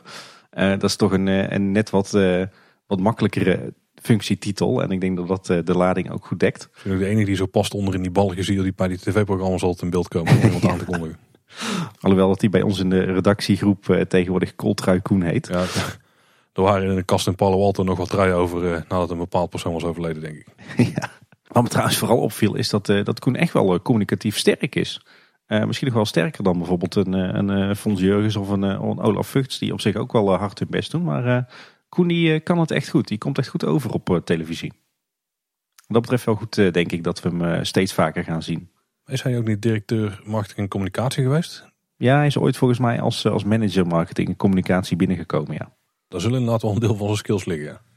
En toen was het 12 april, Tim. Toen kwam de Efteling met een uh, filmpje. Nou, laat het gewoon uh, noemen wat het is. Een lobbyfilmpje, denk ik. Lang en gelukkig in de Efteling. Ja, dat was even schrikken. nou, eh, ik denk dat er heel wisselende reacties op kwamen. Het is natuurlijk het inmiddels befaamde filmpje misschien met beelden uit een dichte Efteling. en een kind eronder wat tekst uitspreekt. Dat, dat de Efteling het heel jammer vindt en dat het natuurlijk veilig kan. Dat kennen we inmiddels wel. Ja, er kwamen veel verschillende soorten reacties eh, op. Ja, het varieerde een beetje van een prachtig filmpje en Efteling heeft helemaal gelijk tot uh, ja, hoe komen ze erbij om kinderen te misbruiken om zo'n uh, zo'n boodschap te brengen. Het, vloog een beetje alle kanten op. Ik moet zeggen, ik, ik vond ook best wel dat ze een behoorlijk heftige boodschap brachten. Wat mij betreft, als ik kijk naar mijn persoonlijke mening, een heel terechte boodschap. Maar ik vond het wel gewaagd. Ik vond het wel heel erg tricky. Want dit had ook helemaal kunnen ontsporen in, in de regionale en de landelijke media. Want ze gingen hier echt wel, eh, wel op het randje. Uh, sowieso de boodschap van hè, het, het moet allemaal veilig en, en gezondheid is belangrijk. Maar we moeten ook nog gewoon gelukkig kunnen zijn. Dus doe de Efteling maar open. En dat dan ook nog uh, gebracht door een, door een klein meisje. Ja, ik vond hem, vond hem discutabel. Ik zeg al, ik was het zelf heel erg eens met die boodschap. Maar goed, dat is mijn, mijn persoonlijke mening. Ik kan me ook wel voorstellen dat het heel veel mensen tegen, tegen de borst stuiten. Ehm, dus ja, een beetje tricky. Uh, tegelijkertijd ook wel, uh, wel gewaagd en een uh, ja, behoorlijk pittig statement vanuit de Efteling. Dus gelukkig is het uiteindelijk een beetje als een nachtkaars uitgedoofd. Want dit had ook wel een behoorlijke shitstorm kunnen worden, denk ik. Ja, misschien was het ook wel, maar ik had het idee dat ze buiten dan op Twitter, want daar gaat het wel moeilijker, maar dat ze op de andere social media platformen vrij goed aan het modereren waren op de reacties. En dat er echt hele negatieve dingen er allemaal uitgebonjourd zijn. ik vond zelf, ik snap dat de Efteling zo'n filmpje wil maken. Of dat ze het idee hebben dat ze die moeten maken. Ik denk alleen dat ze misschien, nou niet misschien, ik denk dat ze het niet altijd moeten doen. Ik ze waren bezig met de lobby hè, om het park weer open te krijgen. En natuurlijk allemaal verantwoord en zo. Ik bedoel, als, als de Efteling wordt bestempeld als een of andere besmettingshaartje, dan, dan heeft het park er helemaal niks aan. Dus ik, ik geloof achter elkaar dat ze er alles aan doen om het zo veilig mogelijk te houden. Alleen als je zo'n lobby voert, dan dat doe je achter de schermen. En ik denk dat het lastig is en ook lastig bleek te zijn om de, om de publieke opinie daarin, ja, mee, of om dit, daarmee druk uit te gaan oefenen. Want dat was misschien een beetje het idee uit zo'n publiekelijk filmpje, zeg maar. Ja. Ik denk dat ze dit vooral achter de schermen hadden moeten houden. Wat blijkbaar ook wel deels heeft gewerkt overigens. Gewoon de normale lobby eh, wat ze hebben gedaan. Ja. Maar ik denk dat de reden dat het misschien niet eh, op zo'n blamage of shitstorm heeft uitgelopen... is gewoon omdat er heel veel ander nieuws was wat nog meer de overhand had, denk ik, op dat moment. Ja. Of steeds meer de overhand kreeg misschien wel een licht gelukje geweest. Ja, ik denk het wel. Ja, het is uh, sowieso denk ik een feit dat uh, wat je momenteel als uh, bedrijf of instelling ook, ook roept over corona. Je hebt altijd vrienden en vijanden, want de meningen die lopen er zeer over uiteen. Dus eigenlijk kan je er beter gewoon niet te veel over zeggen. Ik denk dat je gewoon moet meegaan in wat de overheid aan ja, versoepelingen en zo stelt. En als je gewoon paraat staat om meteen mee te schakelen als het kan, zeg maar. En dan mag je best uitdragen. Maar dit, dit voelt een beetje als het geforceerd proberen te doen. door mensen daar mee te krijgen. Wat denk ik niet helemaal is gelukt. Want de rest van de lobby die ze denk ik hielden was succesvol om het filmpje uit te brengen. Ja.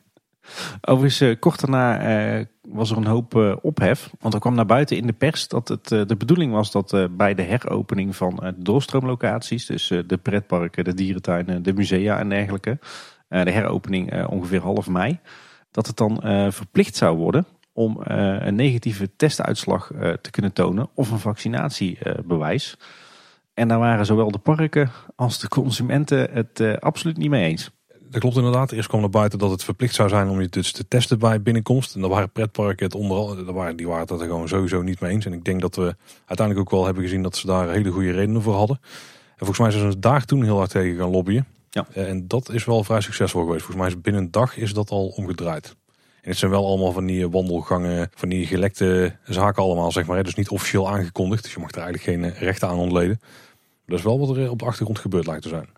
Ja, inderdaad. Want eh, de dag erna, op 13 april, mijn, eh, mijn verjaardag trouwens, kwam naar buiten vanuit de overheid. Volgens mij was het in zijn officiële persconferentie dat de doorstroomlocaties buiten, dus de pretparken en de dierentuinen, dat die onder voorbehoud weer open zouden mogen op 11 mei, zonder dat een negatieve sneltest nodig zou zijn.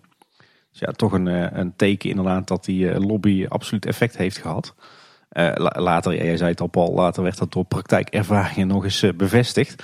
Um, wat toen ook duidelijk werd is dat voor doorstroomlocaties binnen, zoals musea, maar ik kan me ook voorstellen indoor pretparken, dat er wel een, een, negatieve sneltest noodzakelijk wordt. Er was nog even ophef over van ja, wat betekent het dan voor de binnenlocaties in pretparken, hè? de dark rides, de restaurants, de, de binnenattracties. maar het lijkt erop dat ook die plekken gewoon open gaan kunnen op, op 11 mei. er wordt zeg maar gekeken naar de locatie als één geheel. Dus in het geval van de Efteling naar de Efteling als park. En is het dan overwegend buiten, dan mag zo'n locatie open zonder die testplicht. Is nou overwegend binnen, zoals een, eh, een Monkey Town of een Rijksmuseum, dan, eh, dan heb je wel degelijk die verplichting om te gaan werken met eh, negatieve testuitslagen. Het kabinet heeft er toen trouwens voor gekozen om nog niet open te gaan in de meivakantie. Er werd toen wel een tijdje gelobbyd vanuit de parken om alsnog per 28 april open te gaan. Dat is natuurlijk afgelopen woensdag. Dat is uiteindelijk niet gelukt, maar ja, we koersen nu allemaal af op 11 mei. Ik heb zelf ook al een reservering staan voor kort na die datum. Maar ik hoor ook wel weer wat signalen dat die versoepelingen mogelijk pas richting eind mei mogelijk zijn. Dus het is nog even on, onzeker of we daadwerkelijk vanaf 11 mei weer naar de Efteling kunnen. Maar fingers crossed. Het ligt heel erg aan de cijfers hè? en die leken dus weer te gaan stijgen. Toen leken ze weer een paar dagen te gaan dalen. Maar het rapporteren gaat volgens mij op dit moment ook weer niet helemaal lekker. Dus ik ben benieuwd wat het de komende dagen gaat doen. Wordt spannend. Blijft spannend, ja. Wat trouwens ook spannend was, is uh, de hele Field Lab Pilot. Uh, die zou gaan plaatsvinden op 24 april in de Efteling. We hebben daar in uh, de vorige nieuwsaflevering al over gehad. Die beheerste het, het Efteling nieuws de afgelopen weken wel. want uiteindelijk kregen we 14 april kregen alle abonnementhouders eindelijk een mailtje over hoe die Field Lab nou in elkaar zou gaan zitten. Twee dagen later volgde trouwens alweer een extra mail met, met nog meer toelichting en correcties. Maar konden we eigenlijk best wel wat dingen uithalen over die, dat, die Field Lab pilot in de Efteling op 24 april. namelijk dat er tijdens die pilot geen coronamaatregelen zouden zijn. Ehm, er werd in instantie aangekondigd dat er nergens anderhalve meter afstand gehouden zou moeten worden. En dat mondkapjes ook nergens verplicht zouden zijn. Later werd dat gecorrigeerd en bleek dat ze in wachterijen wel die anderhalve meter eh, aan zouden houden. Verder was het zo dat je dus uh, van tevoren getest moest worden. Uh, die test die mocht uh, maximaal 24 uur oud zijn. in eerste instantie werd gekeken naar de sluitingstijd van het park. Maar toen bleek dat het onhaalbaar werd. toen werd er ineens gerekend met, met de openingstijd van het park. verder kwam naar buiten dat bezoekers die tot de risicogroep behoren qua gezondheid niet mochten meedoen. En dat je na die Field Lab dag eh, tien dagen lang geen contact met kwetsbare mensen mocht hebben. Of vijf dagen als je nadien eh, nog een test zou doen. Verder was het zo dat ook eh, Efteling-medewerkers en mensen die al gevaccineerd uh, waren zich moesten laten testen. En in die eerste mail stond ook dat ook baby's en jonge kinderen zich zouden moeten laten testen. En dat leidde echt tot een enorme ophef online en op social media. En de volgende ochtend werd dat eigenlijk alweer door de Efteling gecorrigeerd. Namelijk dat eh, die testplicht pas vanaf vijf jaar oud zou gelden. Was overigens geen foutje. In eerste instantie was die testplicht voor baby's en jonge kinderen wel degelijk een eis vanuit de Field Lab organisatie. Uh, maar na aandringen van de Efteling, mede als gevolg van al die ophef, is die eis uh, alsnog aangepast. Nou ja, verder lazen we ook het een en ander over de, de opzet van die dag. openingstijd van het park zou weer zijn gewoon van 10 tot 6. Waarbij er qua entree werd gewerkt met, met de gebruikelijke tijdsloten. Uh, en om een realistische situatie te creëren in het park met uh, 8000 gasten. Hè, want we wisten al eerder dat, uh, dat dat de capaciteit zou zijn van het park. Er mochten 8000 mensen naar binnen. bleek dat lang niet het hele park open zou gaan. in Anderrijk zouden namelijk alleen Max en Moritz en het Spookslot geopend zijn. In Ruigrijk alle attracties behalve Joris en de Draak en de traptreintjes. In het Marenrijk alleen het Sprookjesbos. In het Fantasierijk Symbolica. En in het Reisrijk alleen de Pagode. En daarnaast ook een aantal restaurants en souvenirwinkels. En op het eind van de dag zou nog wel Aquanura te bewonderen zijn. Uh, later begrepen we overigens ook dat ook Polles Keuken open zou zijn. En verder gaf de Efteling aan dat bij de realistische situatie geldt dat er juist ook wachtrijen moeten staan. En dat is namelijk onderdeel van het experiment. En daarom gaan niet alle attracties draaien op volledige capaciteit. En het verzoek was om uh, vijf dagen na het Field Lab experiment weer een coronatest te doen. Dus dat was een uh, behoorlijke lijst met uh, eisen en randvoorwaarden en beperkingen. Best wel een, uh, een heel gedoetje om mee te doen aan dat Field Lab experiment. Ja, ja, en een van de dingen die ik me al af heb zitten vragen is: van, was nou eigenlijk het, het nut van dat Field Lab experiment? Want je gaat een experiment doen voor een situatie die waarschijnlijk over een aantal weken al niet zo heel relevant meer is. En over een aantal maanden waarschijnlijk eens weer aan de orde zou kunnen zijn. Is het dan echt al vooruitkijken naar ja, wat is nou het nut van als er weer een pandemie komt? Hoe gaan mensen zich gedragen? Want als je echt een experiment wil doen, dan zou je natuurlijk dus wel uh, iedereen zich verplicht moeten laten testen naar de rand en gaan kijken wat er dan uitkomt. Aan, aan, aan besmettingscijfers, zeg maar. Of dat er toch nog wel mensen doorheen zijn geglipt. Ja. ja, dat was eigenlijk ook de bedoeling. En dat werd wel van je verwacht. Het was lastig te verplichten. Nee, nee, klopt. Ik begreep wel uit het, uit het geruchtencircuit dat het eh, met name uh, was dat de Efteling uh, blijkbaar zo lang bij het ministerie van Economische Zaken had aangedrongen op meedoen aan een van de pilots en weer open mogen, dat ze uiteindelijk zo'n field lab eh, gegund kregen. Maar dat tegen de tijd dat die field lab eh, pilot zou plaatsvinden, dat het eigenlijk alweer uh, ja, achterhaald was. Omdat ook die, die testverplichting was weggevallen na die geslaagde lobby vanuit de pretparken. Dus ja, het was een beetje een rare test. Aan de andere kant was het natuurlijk ook een geweldige gelegenheid voor ons als abonnementhouders om op hele korte termijn eindelijk weer naar de Efteling te kunnen. Dus ja, bij ons thuis eh, heerste toch eh, vooral enthousiasme, ondanks eh, al die, die voorwaarden en al die beperkingen. Wij hadden er vooral heel veel zin in. Maar goed, daar moeten we het zo nog maar eens over hebben hoe dat is afgelopen. Ja. Hey, maar eens even door naar 15 april. Tim, ik quote.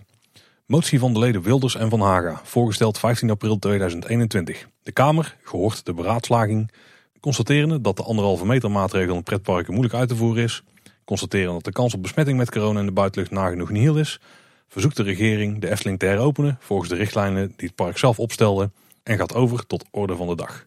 Wilders van Haga. Tim, op 15 april is dit gewoon serieus ingediend als motie in de Tweede Kamer eh, door Geert Wilders.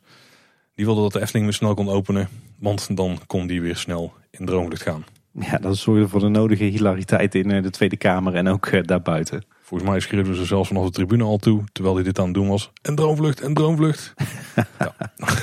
ja.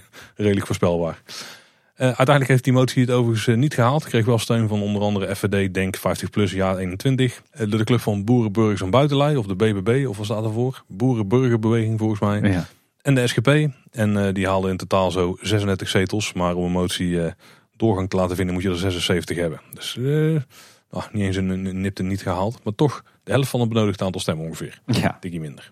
Nou ja, een sympathieke motie voor ons als eh, Efteling-liefhebbers, denk ik. Maar eh, ja, natuurlijk eh, best wel flauwekul. En ik moet ook zeggen, als ik kijk naar die partijen die allemaal voor hebben gestemd, dan zit ik zelf toch net even aan de andere kant van het politiek spectrum. Pas jou heel goed, ja.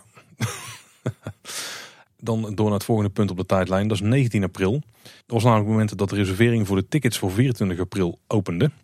Ja, dat was een hilarisch moment. Want Efteling had, uh, had in die mail waar we het net over hadden aangegeven dat uh, in de loop van de ochtend, uh, van die maandagochtend, de tijdsloten beschikbaar kwamen hè, voor die testdag voor die 24 april.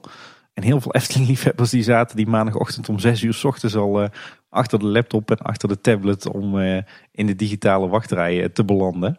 Nou, wat bleek, uiteindelijk was het een uurtje of elf denk ik dat, dat die tickets online kwamen.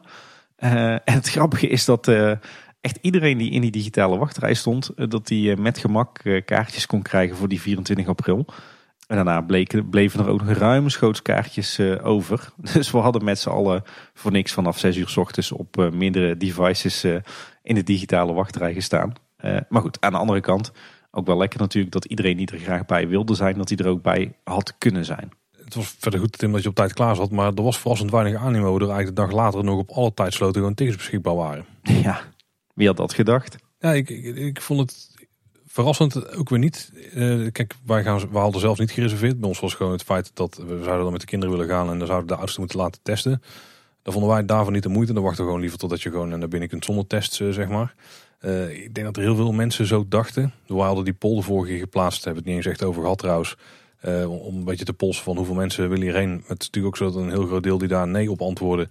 Die had op dat moment geen abonnement meer. Ik bedoel, we weten inmiddels dat dus 30.000 mensen een abonnement hebben laten verlopen. Niet hebben verlengd. Die kunnen natuurlijk ook niet meedoen hieraan. 8000 plaatsen beschikbaar, maar nog niet de helft daarvan bleek uiteindelijk gevuld te zijn. Ja, dat was toch wel een heel krachtig signaal. Hè? Want ja, 21 april kwam dan toch het, eh, het nieuws. We, we zagen het eigenlijk al een beetje aankomen. Want toen kondigde de Efteling aan dat de Field Lab Pilot op eh, zaterdag 24 april toch niet doorging. Uh, nou, jij zei het al, slechts 4000 aanmeldingen, waar de plek was voor 8000. En de Efteling en veel Efteling-liefhebbers bang waren voor een enorme stormloop. Nou ja, dat was het eh, dus verre van. En Efteling en Field Lab gaven aan dat uh, onvoldoende zou zijn voor gedegen en nuttig onderzoek. Waarbij de Efteling de verklaring gaf. We denken dat de onderzoeksvoorwaarden, coronatest voor en na bezoek, gedeeltelijke openstelling en de commotie rondom het 538-evenement hebben geleid tot een laag aantal aanmeldingen. Ook het zicht op een mogelijke heropening kan daar een rol in hebben gespeeld.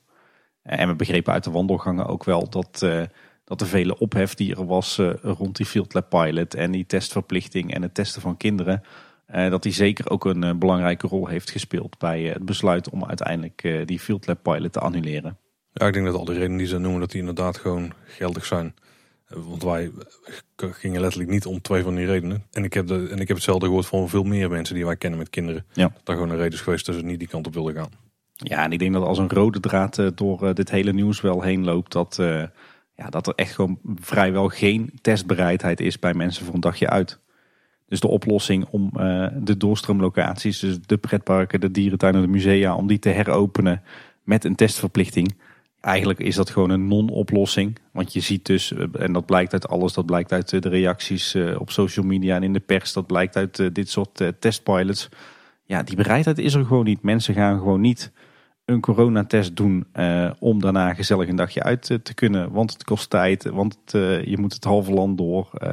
Het is onprettig, want het zou misschien geld gaan kosten in de toekomst. Ja, volop bezwaren. Dus dat werkt gewoon niet, blijkt in theorie en in de praktijk. Ik denk dat er veel mensen van tevoren al op een brief hadden kunnen geven. Sterker nog, de parken dachten zelf ook al. Als er geen uitslag uit het onderzoek is moeten komen, dan is dat toch wel dat die testbereidheid er gewoon echt niet is. Uh, dus er is toch wel iets zinnigs uit dit ja, niet doorgegaan onderzoek gekomen. Ja. ja, daar ben ik absoluut met je eens. Of was het misschien altijd al het doel van het onderzoek? Hmm. Hmm. Wat een complottheorie, eh, Paul. nou ja, volgens mij was het ook wel echt letterlijk een van de, uh, een van de dingen die ze wilden onderzoeken aan de hand van, dit, uh, van deze test. Maar ik had gewoon misschien iets meer mensen verwacht die hadden willen gaan. Nou ja, dat was in ieder geval eh, klip en klaar dat dit eh, geen optie is. Niet voor nu en ook zeker niet voor de toekomst.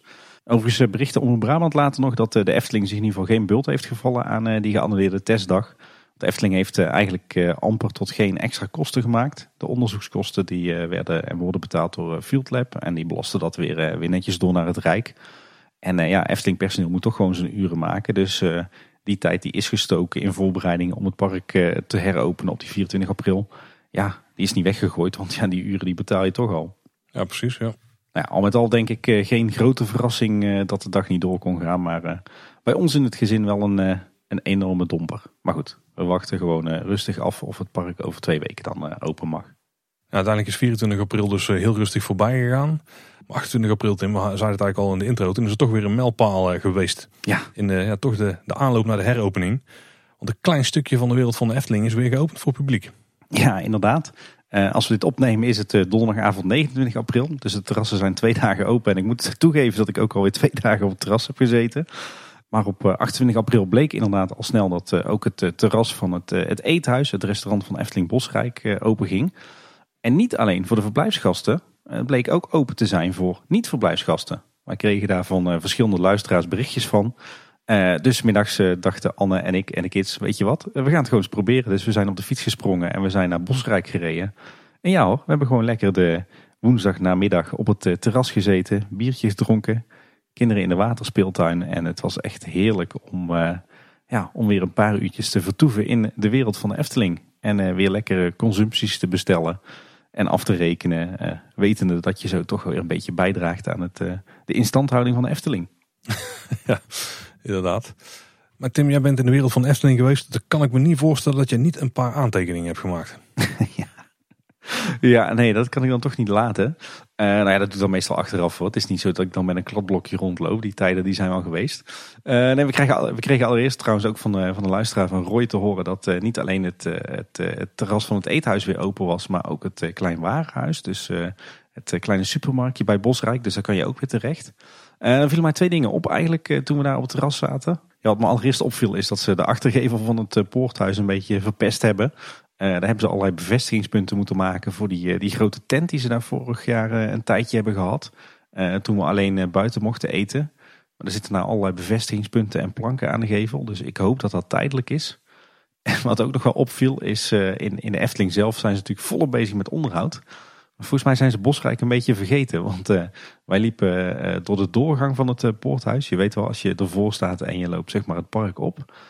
Daar is al een enorme bende zeg. Allemaal spinnenwebben en vogelpoep en vogelnesten daar in het dak. Dus daar moeten ze nog even, als ze wat mensen over hebben, even een keer met een rolstijgertje naar binnen rijden. Om dat eens even lekker af te soppen. We hebben toch van heel veel plekken gehoord dat ze juist heel veel schoonmaakwerkzaamheden hebben gedaan. Niet dan juist precies niet.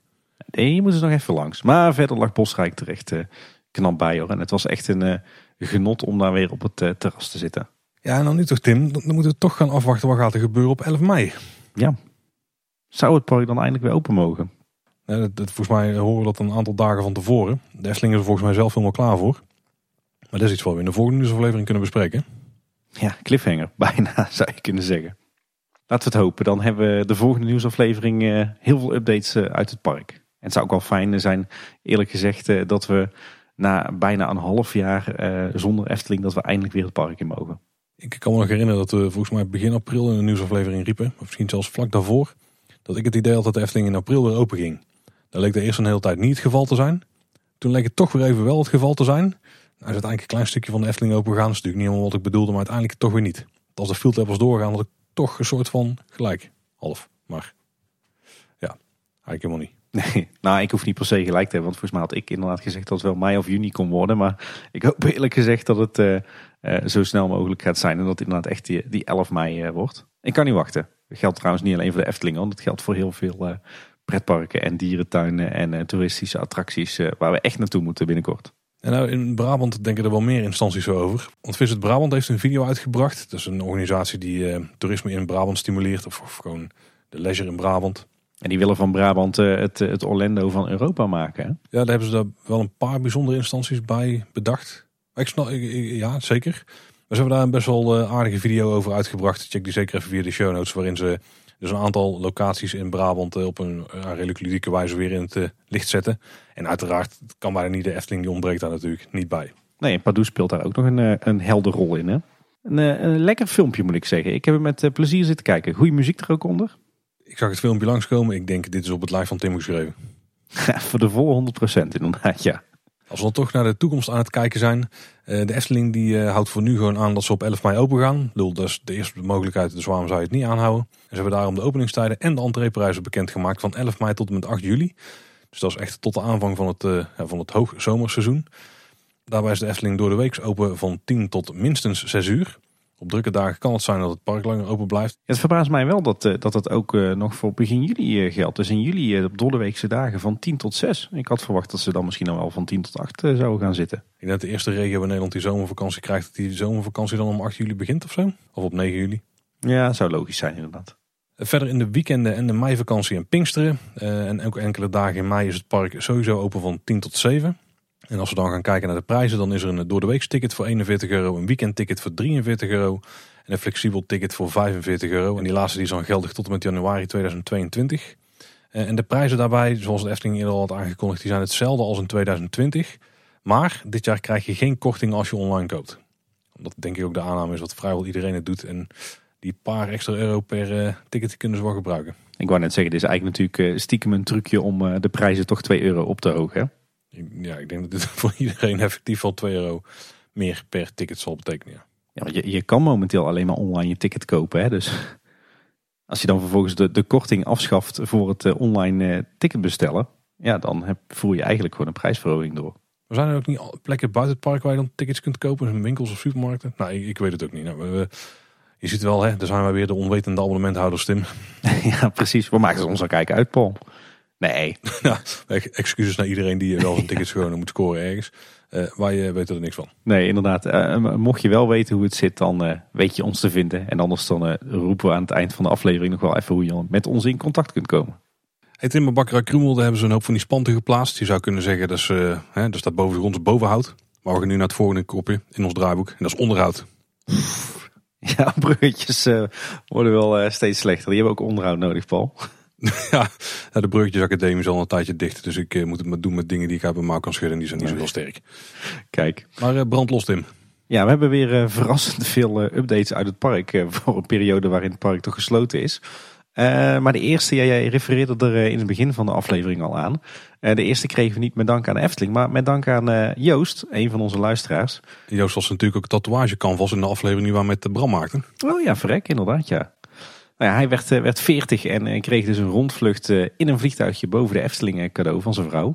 Nou, zo'n vrouw moet je koesteren, denk ik. En hij maakte een flinke fotoserie waarop heel wat interessants te zien was. Onder andere met betrekking tot het onderhoud in het park. Want je moet je voorstellen, deze fotoserie kwam een week of drie geleden uit. Dus toen hadden we nog eigenlijk vrijwel geen updates over de stand van zaken in het park. Maar we zijn daar met z'n allen als redactie ook ingedoken. En een aantal opvallende dingen is dat we nu eindelijk wisten waar de rotsen in de Piranha gesloopt zijn. Of eigenlijk naast de Piranha. Het gaat namelijk om de rotsen net na de Hoge Brug. Je hebt zeg maar die, die brug waar je op kan lopen vanaf het, het pad achter de Karpervijver. Zeg maar het pad van Fatima naar Joris en de Draak. Die brug kan je oplopen. Als je dan op die brug staat en je kijkt naar links, dan heb je zo'n zo'n smalle doorgang waar de piranha bootjes doorheen gaan. En daar zijn rotsen gesloopt. In ieder geval aan één zijde, aan de kant van het uh, station. en die rotsen die hingen ook echt over de vaargul heen. Dus ik kan me voorstellen als die, die constructief niet meer goed zijn, of er zijn twijfels over de sterkte en de stijfheid, dat je die moet slopen. Nou, die zijn in ieder geval inmiddels dus weg. En we hebben wel van insiders begrepen dat dat het netjes is afgewerkt. Wat ook nog opviel is dat alle gondoletta bootjes uit het water zijn gehaald. De reden daarvan is ons niet bekend. Misschien onderhoud of misschien dat ze het uh, bewust hebben gedaan uh, om de staalkabel strak te houden nu de attractie zo lang stil ligt. Ja, als al die bootjes natuurlijk maandenlang op dezelfde plek liggen, dan kan ik me voorstellen dat die kabel door gaat zakken. En het viel ook nog op die foto dat het, het gras van de speelweide er nogal slecht aan toe is na de warme winterweide die daar uiteindelijk maar een paar weken even mogen functioneren. Dat is wat we uit die, die luchtfoto's van Joost hebben kunnen achterhalen. Ja, Fons Jurgens die beantwoordde 15 veelgestelde vragen van fans op het Efteling-blog. Dat was natuurlijk echt een flinke berg open deuren. Ik denk dat ongeveer de afvalhoop bij een uh, deurenfabriek of zo, dat je die daarbij moet voorstellen. maar er waren wel twee interessante antwoorden. En die hadden te maken met onderhoud natuurlijk. Fons vertelde namelijk dat het, het plan is om later dit jaar meer aandacht te besteden aan draak Etna. Dus ze wordt weer opgeknapt zodat het er helemaal piekfijn uitziet. En of ze gaat bewegen, dat bekijken ze dan op een later moment. Dus er is toch weer een sprankje hoop daar. Heel bijzonder. Ja, maar ik verwacht eerlijk gezegd dat uh, dit gewoon een, uh, een schoonmaakbeurtje en een uh, schilderbeurt voor Draak Etna gaat zijn. En dat we er verder nog niet per se heel veel van moeten verwachten. Nou, van die onderhoudsbeurt niet aan het eind van het jaar. Maar dat is toch wel weer de kans dat ze gaat bewegen. Ze hebben het nog niet helemaal 100% uitgesloten, terwijl het eerder wel zo leek te zijn. Ja, dat is waar. Daar heb je gelijk in. Dat zou heel fijn zijn. En er werd natuurlijk ook gevraagd naar de status van het huisje van vrouw Holle. En daarover zegt hij, ik weet dat het huisje van vrouw Holle terugkomt in het Sprookjesbos. Helaas weten we nog niet precies wanneer dat gaat gebeuren. Ja, en daarbij is wel opvallend dat de afgelopen week eh, ook de nieuwe plattegrond van de Efteling eh, uitgekomen. In ieder geval een update daarvan. En daarbij is het huisje van vrouw Holle nu gewoon helemaal verdwenen. inderdaad, het was gespot door de mannen van Eftelingstraat.nl op de nieuwe parkplattegrond bij Bosrijk. ik kreeg daar toch wel een klein beetje de koude rillingen van. Maar goed, gelukkig heeft Fons gezegd dat het huisje sowieso een keer gaat terugkomen. Waar ik trouwens nog meer koude rillingen van kreeg is van de huidige schrijfwijze van het Herautenplein. Dat moet natuurlijk één woord zijn, maar de Efteling die schrijft dat nu consequent als Herauten, spatie, plein. En dan plein ook nog met een hoofdletter. Dus uh, nou ja, laten we daar maar niet te veel aandacht aan besteden. Efteling en spaties, mooie combinatie. Ja. Uh, dan verder met, uh, met onderhoud. de Fata Morgana is nog steeds in onderhoud. Die werkzaamheden zijn nog niet afgerond. de boot die liggen nog steeds op het lemterrein. En de geoefende kleine boodschapluisteraar weet natuurlijk dat dat staat voor het logistiek evenementenmagazijn. Wat nog meer opviel is dat nu zelfs de achterzijde van het gebouw is schoongespoten met de hoge drukspuit. Ziet er allemaal weer keurig netjes uit. Het is wel zo dat er, in het, dat er voorheen al behoorlijk wat stukwerk van de dakrand was gesneuveld. Maar daar is nu nog meer stukwerk weggespoten. Dus dat heeft ook wel wat aandacht nodig. Ik denk dat er eens een keer een, een, ploegje van de bouwdienst met de hoogwerker en een emmertje cement naar boven moet om die dakrand een beetje aan te smeren. Verder zagen we ook nog lange tijd graafwerkzaamheden achter Villa Volta en speeltuin uh, Kindervreugd. ten behoeve van die nieuwe hemelwaterriolering die wordt aangelegd rond het Ton van de Venplein. Daar is volgens mij een grote put geplaatst. En we zagen foto's van een insider dat het witte muurtje tussen zeg maar het, het café-restaurant en de sprinklervijver. dat, dat is zo'n baksteen muurtje wat wit is gesausd met een hekje erop. Die is eh, ook weer eh, lekker opgefrist met, eh, met de verfroller. En we kregen nog wat, wat geruchten ter oren. zo zou er wat mis zijn met de, de, treinen van Vogelrok, die daardoor niet zouden kunnen rijden. En er zou sprake zijn van te late levering van onderdelen bij zowel Fata Morgana als Piranha. Onbekend is hoe het nou precies zit en wat we hiervan wel of niet moeten geloven. het is natuurlijk een feit dat het, de Fata Morgana nog steeds niet klaar is, het onderhoud. Maar we hebben vandaag wel een filmpje gezien dat eh, de Piranha weer draait. Dus eh, dat is blijkbaar al verholpen. Ja, in het blokje is flink gevuld omdat we ook een Efteling blogpost kregen. En er stond een hele fotoreportage in van het werk achter de schermen. Ja Tim, allemaal onderhoud op het blog. Jij moet hiervan hebben lopen smullen. Ja, absoluut. Het waren sowieso wel, uh, wel goede weken met al die bouwfoto's en kadastrale tekeningen. En nu weer informatie over onderhoud. goede weken voor een Efteling-liefhebber als ik. Nee, in dat, dat blogartikel was heel veel te lezen over het onderhoud. Um, er zat bijvoorbeeld een, een foto bij van de nieuwe ingangstunnel van Las Brouwhuis. We hebben het er al een paar keer eerder over gehad. Ik moet zeggen, ziet er eigenlijk best wel goed uit. Redelijk gelijk aan het, het origineel. Wel misschien een beetje gekke beëindiging van, van de rieten kap. Misschien een iets te rechte lijn of zo. Maar dat moeten we in het, in het echt maar eens gaan bekijken. De werkzaamheden daar zijn in ieder geval eind april klaar. Verder was nog te lezen dat er volop onderhoud aan boten en treinen plaatsvindt momenteel en ook de afgelopen maanden. Zo hebben de afgelopen weken de treinen van Max en Moritz in het Gildenhuis gestaan voor onderhoud. Maar ook de treinen van de Python van Bron 1898 en van Joris en de Draak hebben onderhoud gehad. Evenals de boten van de Vliegende Hollander. Maar daar hebben ze natuurlijk al, al eerder uitgebreid over bericht. verder heeft er ook flink onderhoud plaatsgevonden bij de gondoletta. Kijk, dat verklaart waarschijnlijk waarom de bootjes dus op de kant lagen. Zo is de, de kabel geïnspecteerd, de staalkabel die eh, door de vijver loopt. En de grote draaischijf liep niet meer soepel. Die is opgetakeld uit het water met een kraan. Volgens mij neergezet op het pleintje achter Symbolica bij de waterval. En na onderhoud is hij weer terug het water ingegaan met de kraan. werd overigens opgeschreven alsof het ging om de draaischijf. Maar de draaischijf is natuurlijk in 2019 nog volledig vernieuwd. Um, en als ik dan op de foto's keek, dan is hij ook veel kleiner dan, dan de echte draaischijf. Die zou je volgens mij ook nooit in één stuk met een kraan uit de vijver kunnen takelen. Volgens mij ging het hier om zo'n een van de vele ja, ronddraaiende schijven die in het water liggen, waar de staalkabel overheen loopt. En als ik het formaat zo zie, dan is het volgens mij de, de laatste schijf voordat je teruggaat naar, met je bootje naar de, de uitstap, de draaischijf. Dan maak je zo'n hele scherpe bocht bijna 360 graden. En volgens mij hebben ze die uh, draaischijf uit het water getild. En op de kant gerepareerd en daarna weer teruggeplaatst. Maar dat is dus niet de draaischijf waar je op loopt. Verder lazen we ook nog eindelijk bevestigd dat er inderdaad een heuse opknapbeurt is geweest voor zowel de Herauten als Kleine Boodschap. Puntje binnen. Ja, inderdaad ja. En verder zijn ook de zitbanken in het Ruigrijk en verschillende verkoopkarren geschilderd. Bij de Python en Joris en de Draak zijn alle bouten geïnspecteerd. Dat is natuurlijk ook zo'n uh, terugkerend jaarlijks onderhoudsdingetje. Uh, bij de Vliegende Hollander, daar is natuurlijk ook groot onderhoud geweest. Daar hebben ze laatst een proefbrand gestookt om te kijken of de brandmeldinstallatie werkte. Verder hebben ze naar aanleiding van suggesties van bezoekers hebben ze haakjes opgehangen in de toiletten. Voor je jas en je rugzak en je camera. En, en ze zijn nog druk geweest met het frezen van, uh, ja ze schreven zelf kapstokken voor de vernieuwde kamers van het Efteling Hotel. Maar volgens mij bedoelen ze daar kledinghangers. Uh, oftewel knaapjes voor wie naar Max Vakantieman kijkt. en ze hebben natuurlijk bij de bouwdienst een computergestuurde frees. Dus die kan ook heel mooi van dat soort kledinghangers uitfrezen uit hout of kunststof. Met een mooi patroontje en een mooie belettering. Dus dat is waar ze zo al mee bezig zijn de afgelopen weken. Nou, wat hebben we verder nog, uh, nog meer gezien? Een tijdje terug zijn natuurlijk een heleboel nieuwe laadpalen voor elektrische auto's uh, bijgeplaatst op het parkeerterrein. Dat straatwerk was nog een beetje een rommeltje. Maar eigenlijk vlak voor 24 april zijn ze met man en macht aan de slag gegaan om ook het straatwerk af te ronden. En ik zag de afgelopen week dat een heel ploegje Efteling medewerkers ook beleiding aan het aanbrengen is. Dus dat ziet er ook strak uit. En wat mij nog opviel is dat er groen gaasdoek is gespannen. Uh, langs een beetje de hele trim, zeg maar de remsectie van Joris en de Draak. Voor je de remise inrijdt. En ook een stukje op het traject vanuit de remise naar het, het opstapstation. geen idee of nou de bedoeling is om de baan daar af te schermen. zodat je er van buiten het park niet naartoe kan kijken.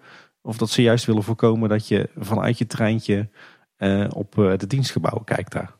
Ja, die gaasdoeken dienen ook wel eens om de wind een beetje te breken. Ja, Misschien dat het dan ook zorgt dat het daar niet meer binnenwaait in de remise of zo, of minder. Ja, ik weet het niet. Want het zag er meer uit alsof ze het zicht ergens op proberen te ontnemen. Op zich wel lelijk hoor. Een eh, volledig houten achtbaan en dan uh, van die groene gaasdoek die er uh, opgeniet is. Hopelijk is het tijdelijk. De, laat het open, ja. En er kwam ook een nieuwe vergunningsaanvraag in onze lokale kranten staan. Herstellen van de rotspartijen bij de ingang en het voorplein van de Indische waterlelies. Ja. hey, maar daar waren toch al een jaar of anderhalf, twee geleden flinke rotsen vervangen. Ja, daar uh, waren ze toen druk bezig met, uh, met de uitgangconstructie. Daar hebben ze toen alle rotsen volledig vervangen nadat die niet meer constructief stabiel waren bevonden. maar nu gaan ze dus verder. Op zich wel verrassend, want bij de Piranha hebben ze ook het een en ander afgebroken. Dus, en eerder is al verteld dat ze dat niet terug gingen bouwen. Maar dat gaan ze nu bij de Indische waterlelies in deze financieel moeilijke tijd dus wel gewoon doen.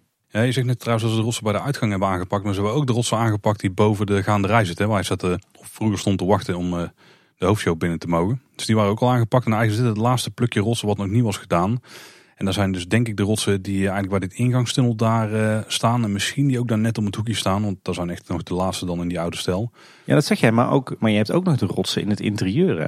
Ja, dat klopt wel. Die hebben ze toen wel aangepakt maar op een paar punten. Nee, wat, wat ze hebben gedaan is dat ze toen de tijd uh, in, in alle rotsen hebben ze inspectiegaten gezaagd.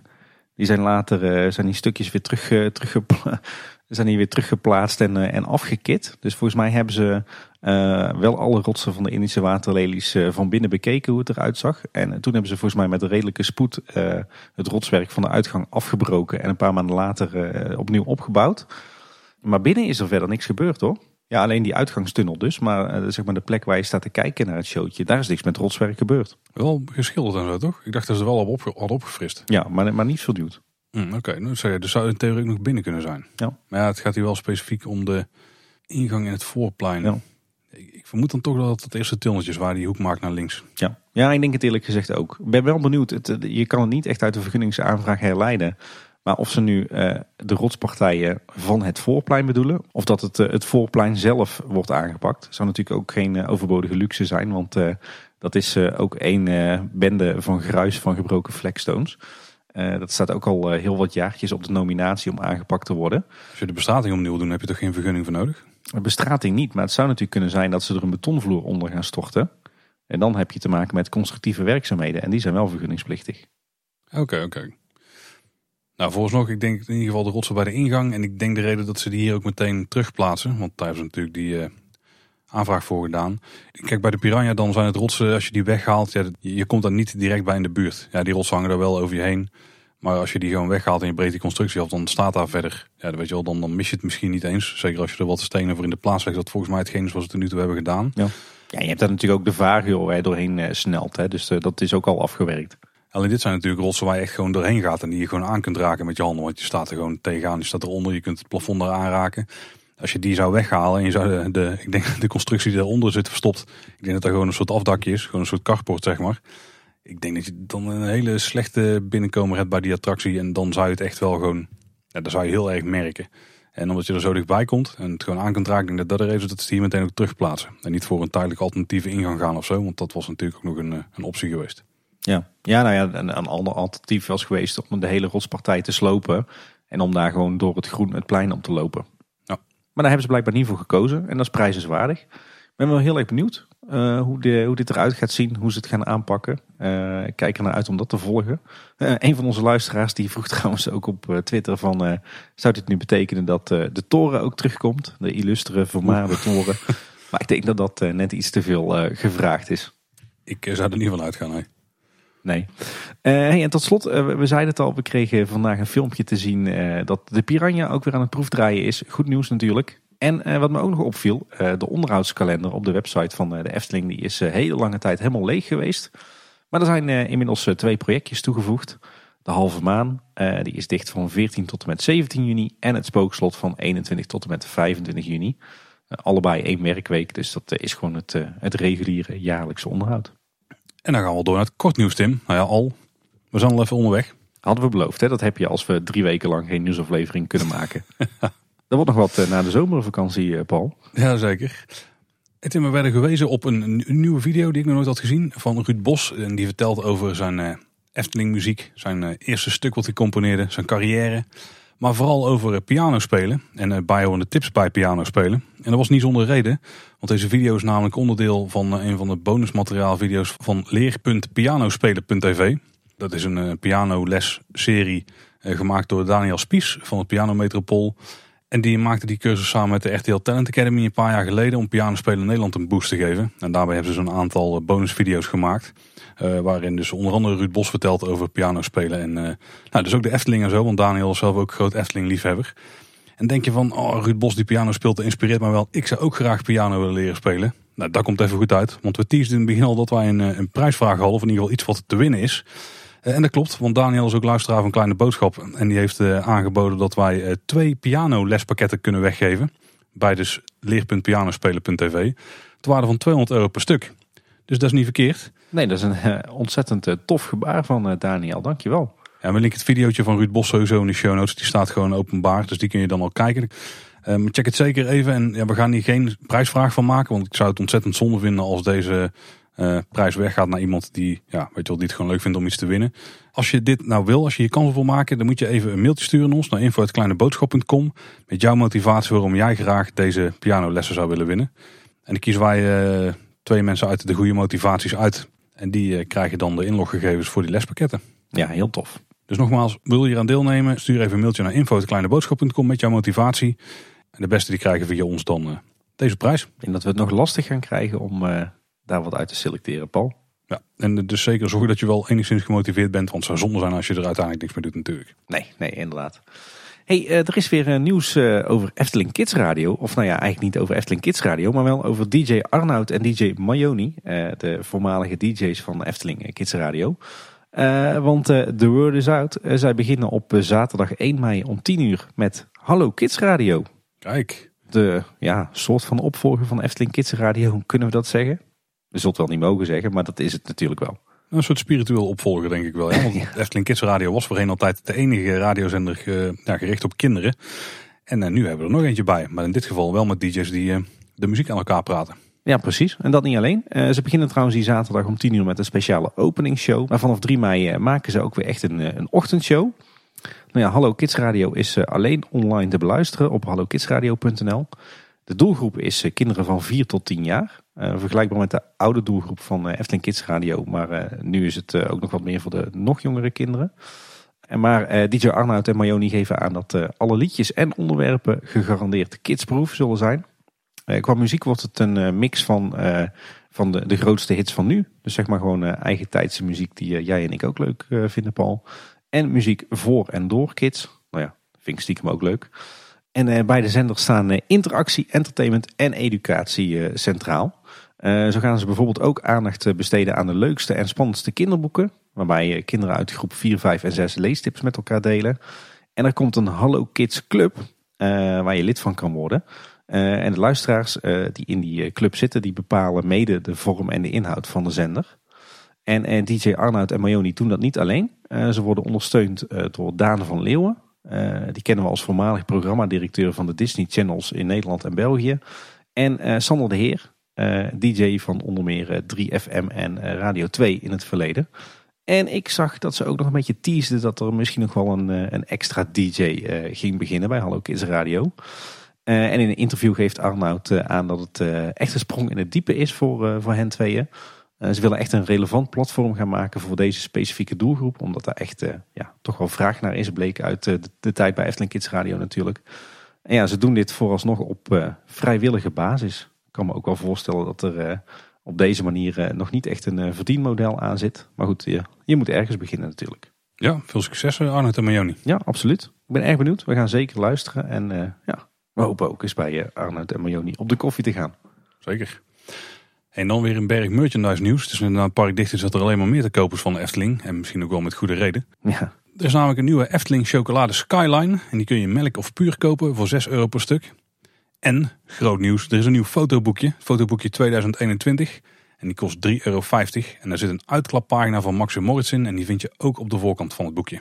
Ja, en als je voor minimaal 25 euro bestelt bij de webshop, dan eh, krijg je er ook gratis de vorige editie van het fotoboekje bij.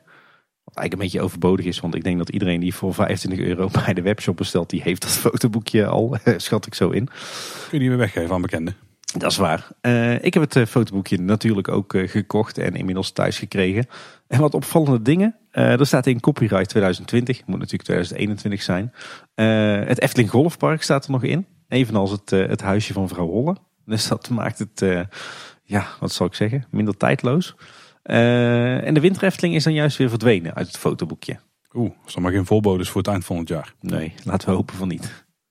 Maar toch weer een, eh, een must-have voor eh, de Efteling-liefhebber en de verzamelaar dan met name.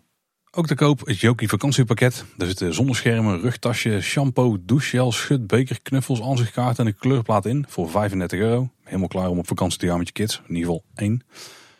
Uh, ook sleutelhangers van Pardoes, Jokie, Jet, Joris en de Draak zijn te koop voor 5 euro per stuk en een drakenmuts voor 6,50 euro. Hey, een stukje merchandise waar, waar we niet aan kunnen komen, maar wat wel heel leuk is om te melden, is dat er nu ook een Japanse versie is gemaakt van het, eh, het boek De Sprookjesprokkelaar. Uh, geschreven door Paul van Loon uh, natuurlijk en prinses Laurentien. Wordt uitgegeven door een Japanse uitgever die erg geïnteresseerd was in de beide auteurs. voor die uitgave zijn in totaal ruim 50 nieuwe illustraties gemaakt door een bekende Japanse illustrator. Miho Satake, als ik het goed zeg. De tekst is wel eh, identiek. Eh, en het boek is eh, jammer genoeg voorlopig nog niet in Nederland verkrijgbaar. En wel verkrijgbaar in Nederland, in dit geval bij de Albert Heijn, niet de webshop van de Efteling. Hamsters verkleed als wolf voor 7,99 euro. Kijk. Het voelt een beetje misschien als een materiaal wat over was van een bepaalde actie voor goedkopere tickets die misschien nog niet van start is gegaan. Ik denk het ook. En ik vraag me ook af of dat die dit jaar er gaat zijn. Goeie vraag. En als we het dan toch over merchandise hebben en dat er veel merchandise uitkomt. Je kunt ook zelf een duit in het zakje doen voor Efteling merchandise. Want de Efteling die komt met een heuse Efteling pin ontwerpwedstrijd. Dus je kunt via het blog kun je een, een bestand downloaden. En daar staan alle specificaties in van waar die pin aan moet voldoen. En welke gegevens je moet doorgeven om jouw ontwerp door te sturen. En ook hoe je dat moet doen. En de winnende pin die gaat echt gebruikt worden als basis voor een nieuwe Efteling pin. Dus die is gewoon straks te koop in de webshop. En ik neem aan dat je er zelf ook wel eentje krijgt. Als een van onderdeel van jouw prijs. Laten we daar voor het gemak even van uitgaan. Sowieso. De pin moet overigens wel een sprookjesthema hebben. Maar het ontwerp mag je dan weer digitaal of analoog doen. je kunt hem ook serieus gewoon opsturen met de post. Eh, als dat de manier is om het beste die erbij te krijgen. Maar je mag natuurlijk ook gewoon het eh, formulier uploaden. Je moet wel eh, een beetje opschieten. Want voor 15 mei moet hij ingediend zijn. Dus je hebt nog een kleine twee weken. Nou, ik denk dat ik met gemak tien hele getalenteerde creatieve Efteling fans en liefhebbers kan noemen, Paul. Dus daar moet heel wat tussen zitten. Absoluut. Ik zag er ook al een heel aantal vandaag op Twitter enthousiast naar elkaar reageren. Dat moet helemaal goed komen. En, en, dan gaan we naar de vacatures toe, Tim. En dat is de afgelopen weken, maanden toch wel een beetje een, een tamme categorie geweest. Maar vandaag niet, hè? Het is uh, totaal geëxplodeerd. we kregen eerst natuurlijk heel lang het verhaal van hè, door de coronacrisis en de financiële situatie komen er geen vacatures meer. Gaan we, gaan we alles eh, intern invullen of zelfs helemaal niet invullen. En toen kwamen er wat uh, nul uur contracten. maar vandaag, as we speak, staan er gewoon 19 vacatures online op de Efteling website. Nou ja, wat zoeken ze allemaal? ze zoeken bijvoorbeeld een product owner digital hotels en resorts. Nou, ik vroeg me af, wat is dat in vredesnaam? Maar uh, je gaat dan bezig met het doorontwikkelen van de digitale klantreis van specifiek onze hotels en resortsgasten. Nou ja, dat begrijp ik nog wel. Verder zoeken ze een teamlead voor de front office van Bosrijk. Ze zoeken medewerkers voor de entree, voor de horeca in het park, voor de horeca en hotels en resorts. Ze zoeken keukenmedewerkers voor het park, keukenmedewerkers voor de hotels en resorts. Ze zoeken medewerkers voor de merchandise, voor de toiletten. Ze zoeken nog een zelfstandig werkend kok, een floor manager voor de horeca in het park, uh, er zijn weer allerlei bijbanen uh, als medewerker park uh, of medewerker hotels en resorts. Ze zoeken nog een leerling kok op BBL basis voor de hotels en resorts. En er zijn ook weer heel wat meewerkstages, onder meer voor productie en edit. Dat is volgens mij met name YouTube. Maar ook voor marketing en sales support. Voor de horeca van hotels en resorts. Voor de horeca van het park. Voor beveiliging en hulpverlening. Voor de HR en voor engineering werktuigbouwkunde. Dus echt een berg vacatures momenteel. Heel, heel bijzonder en heel verrassend in deze tijd. En blijkbaar is de nood hoog voor nieuwe mensen. Want er wordt zelfs een uh, blogpost aangeweid. Dus ze willen het echt wel bij iedereen in de picture spelen dat er bij de Efteling weer genoeg te werk is. Ja, inderdaad. Er was een interview met Annemijn Klaassen, operationeel recruiter bij de Efteling. En vrijwel gelijktijdig was er volgens mij ook een, flinke guerrilla-actie op LinkedIn bij een groot aantal Eftelingers. Die posten allemaal een foto van de gebroeders Luim uit het Larikoekenhuis in het Lavelaar natuurlijk. Met uh, daarin de lollige spreuk, zij bakken er niks van, jij wel. Uh, en wat variaties daarop. en daarin werd verwezen naar deze nieuwe wervingsactie. Dus ze doen goed hun best om toch weer nieuwe mensen binnen te halen. Wel een verrassende move moet ik zeggen in de strategie. Als je ziet hoe ze er een paar maanden geleden tegenaan keken. Het zal echt nodig zijn tijdens de opening van Fabula toen werd al gemeld dat de film die in Efteling draaide eventueel ook bij andere parken gebruikt zou kunnen worden als 4D-film. Daar lijkt nu het eerste park echt duidelijk voor te zijn geworden. Het blijkt namelijk om Columbus Zoo en Aquarium te gaan. Daar gaat de, de film draaien als The Bear and the Squirrel. En sterker nog, die film draait er nu al. De voorshow is daarbij wel opnieuw geanimeerd en toegevoegd aan de hoofdshow. Uh, Klaas Vaak kun je daarin dus niet meer zien. En in Dierentuin is de film een betaalde attractie. En vooralsnog is dit dus het enige park ter wereld eh, waar de film draait. Die gingen wat gerucht over dat de Scandinavische park hem ook eh, in gebruik ging nemen. Maar dat is er niet van gekomen. Maar volgens mij zat er nog wel een stukje van typische Efteling-deuntjes in, hè? Ja, ja, volgens mij ook inderdaad. Ze hebben alleen uh, Klaas Vaak uh, eruit gesloopt. Hè? Eruit gesloopt, Hey, nieuws vanuit uh, Villa Padus. We zijn natuurlijk een tijdje geleden rond de kerst te gast geweest. En toen hebben we Peter Persoon geïnterviewd, de directeur. die gaat weg. Hij blijft nog tot eind mei in dienst. Maar er is inmiddels een nieuwe directeur. Yvonne Kiesberry, als ik het goed zeg. die volgt Peter Persoon half mei op. Ik heb er even een beetje geresearched. Want Peter Persoon komt natuurlijk echt uit de zorgwereld. Maar bij Yvonne zit het net wat anders. zij is oorspronkelijk werkzaam geweest in allerhande marketing- en directiefuncties bij uitgeverijen van kinderboeken en lesmaterialen. En ze hield zich onder meer bezig met boeken, tijdschriften, tv, apps, websites, theater en merchandise voor kinderen. En eh, de afgelopen drie jaar heeft ze een eigen bureau gehad in eh, consultancy, coaching en management. Nou ja, je zou kunnen zeggen, wie heeft dat niet?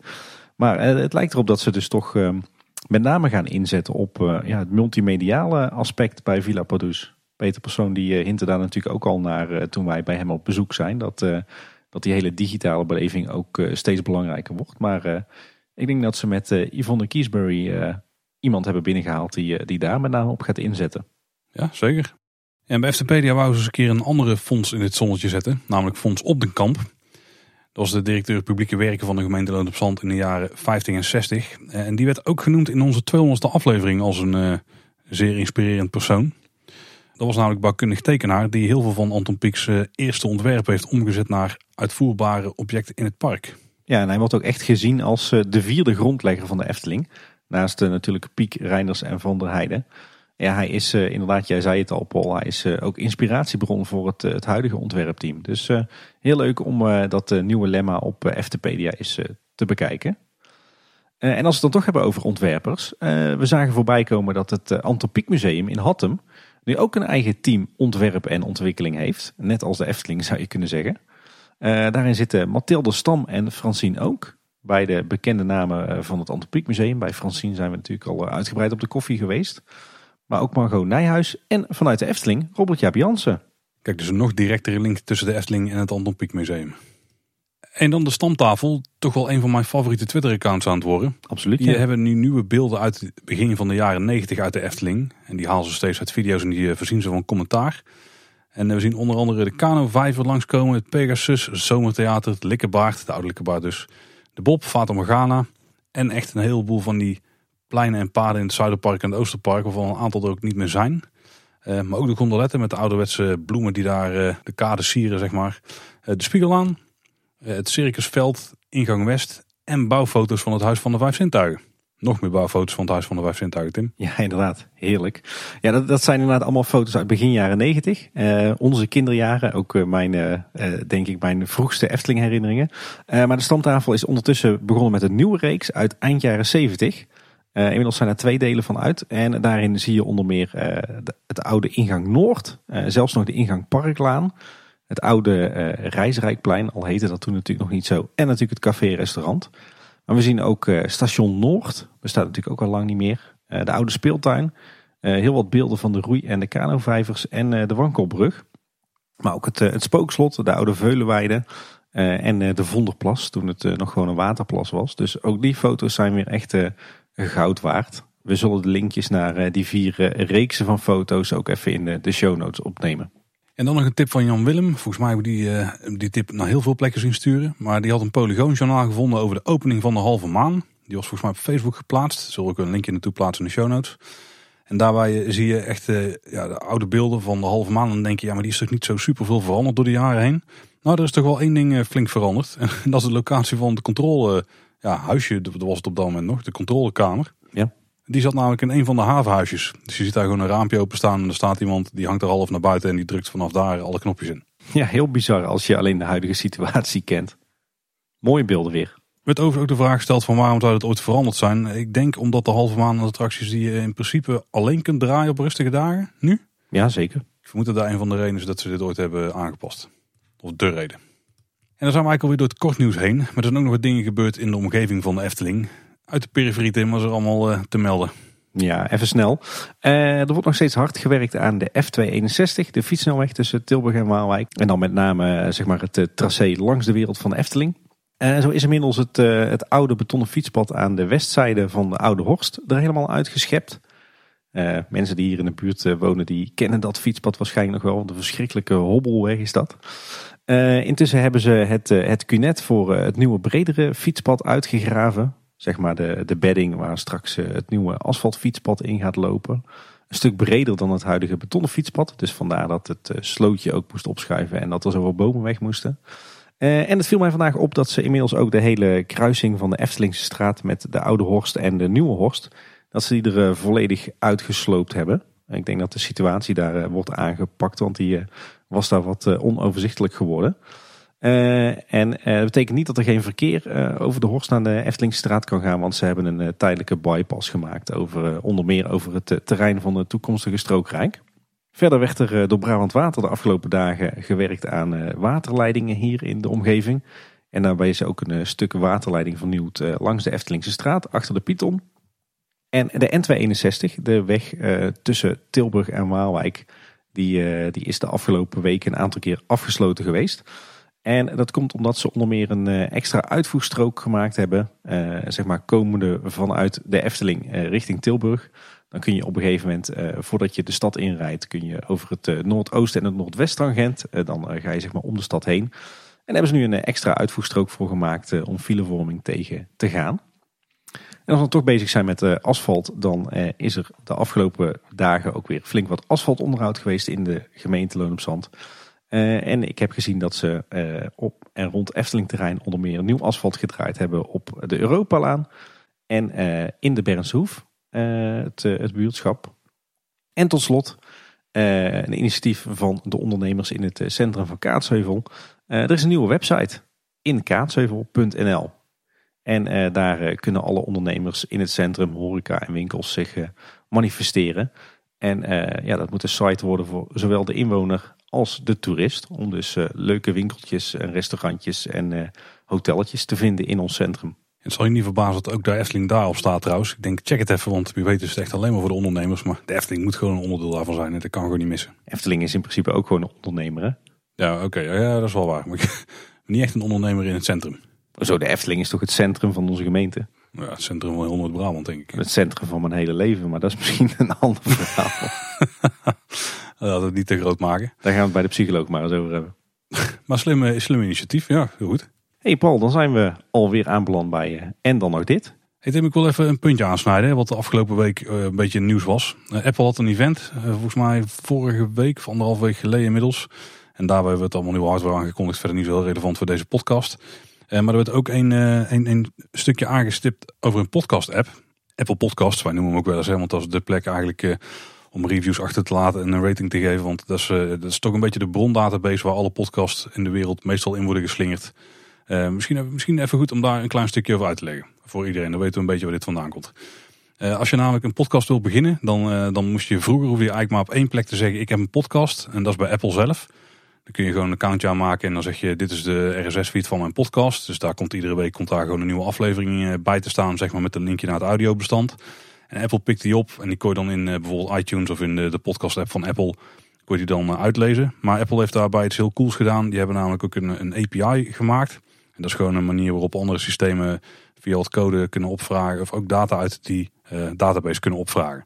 Dus alle podcast-apps die je hebt, buiten dus een paar grote, maar daar kom je dan dadelijk op die uh, gebruiken eigenlijk Apple gewoon als soort podcastbron. Met, wat voor hun een paar voordelen heeft. Apple heeft bijvoorbeeld uh, een deel quality control. Dus je moet je podcast aanmelden. Dan gaan ze hem eerst luisteren ook. Daar hebben ze ook gewoon mensen uit Nederland bijvoorbeeld voor. Die dus de eerste aflevering van, waar die al, van bijna al die Nederlandse podcasts even checken. Uh, en die keuren ze dan goed. dus om te voorkomen dat er, dat er haatdragende boodschap of zo op komen staan, weet je wel. Of dat er nou, in ieder geval materiaal op komt waar je echt niet op zit te wachten. Ook of dat de rating bijvoorbeeld klopt. Bijvoorbeeld dat je niet een podcast krijgt die niet op explicit staat, maar waar wel volop in wordt gescholden of waar heel veel drugs- en drankreferenties in zitten. Zonder ezels. Dat is wel de reden dat wij de ezel hebben inderdaad. Dus een stukje quality control ook. Uh, en je kunt er dus als podcast app gewoon wel zeggen, nou uh, geef mij maar door welke podcasts er zijn. Of je kunt de zoekfunctie inbouwen die uiteindelijk gewoon bij Apple dan gaat zoeken naar uh, podcasttitels en jou die RSS feed aanbiedt. En jouw podcast app handelt het vanaf daar af. Nou zijn er de afgelopen jaren een paar spelers bijgekomen de markt, waaronder Spotify. Het is veruit de grootste denk ik. En maar je had er al wat meer zoals Stitcher en je hebt nog een paar andere platformen die we nou even ontgaan. En die hebben dan een eigen podcast of een eigen app gewoon, waarin je toevallig misschien soms podcasts kunt luisteren zoals bij Spotify. Dus bijna een beetje bijzaak dat het daar kan. Maar sommige die zijn, die zijn wel wat groter, die zijn er echt helemaal op gericht. maar als je daar je podcast in wil krijgen, moet je die echt specifiek bij dat platform aanmelden.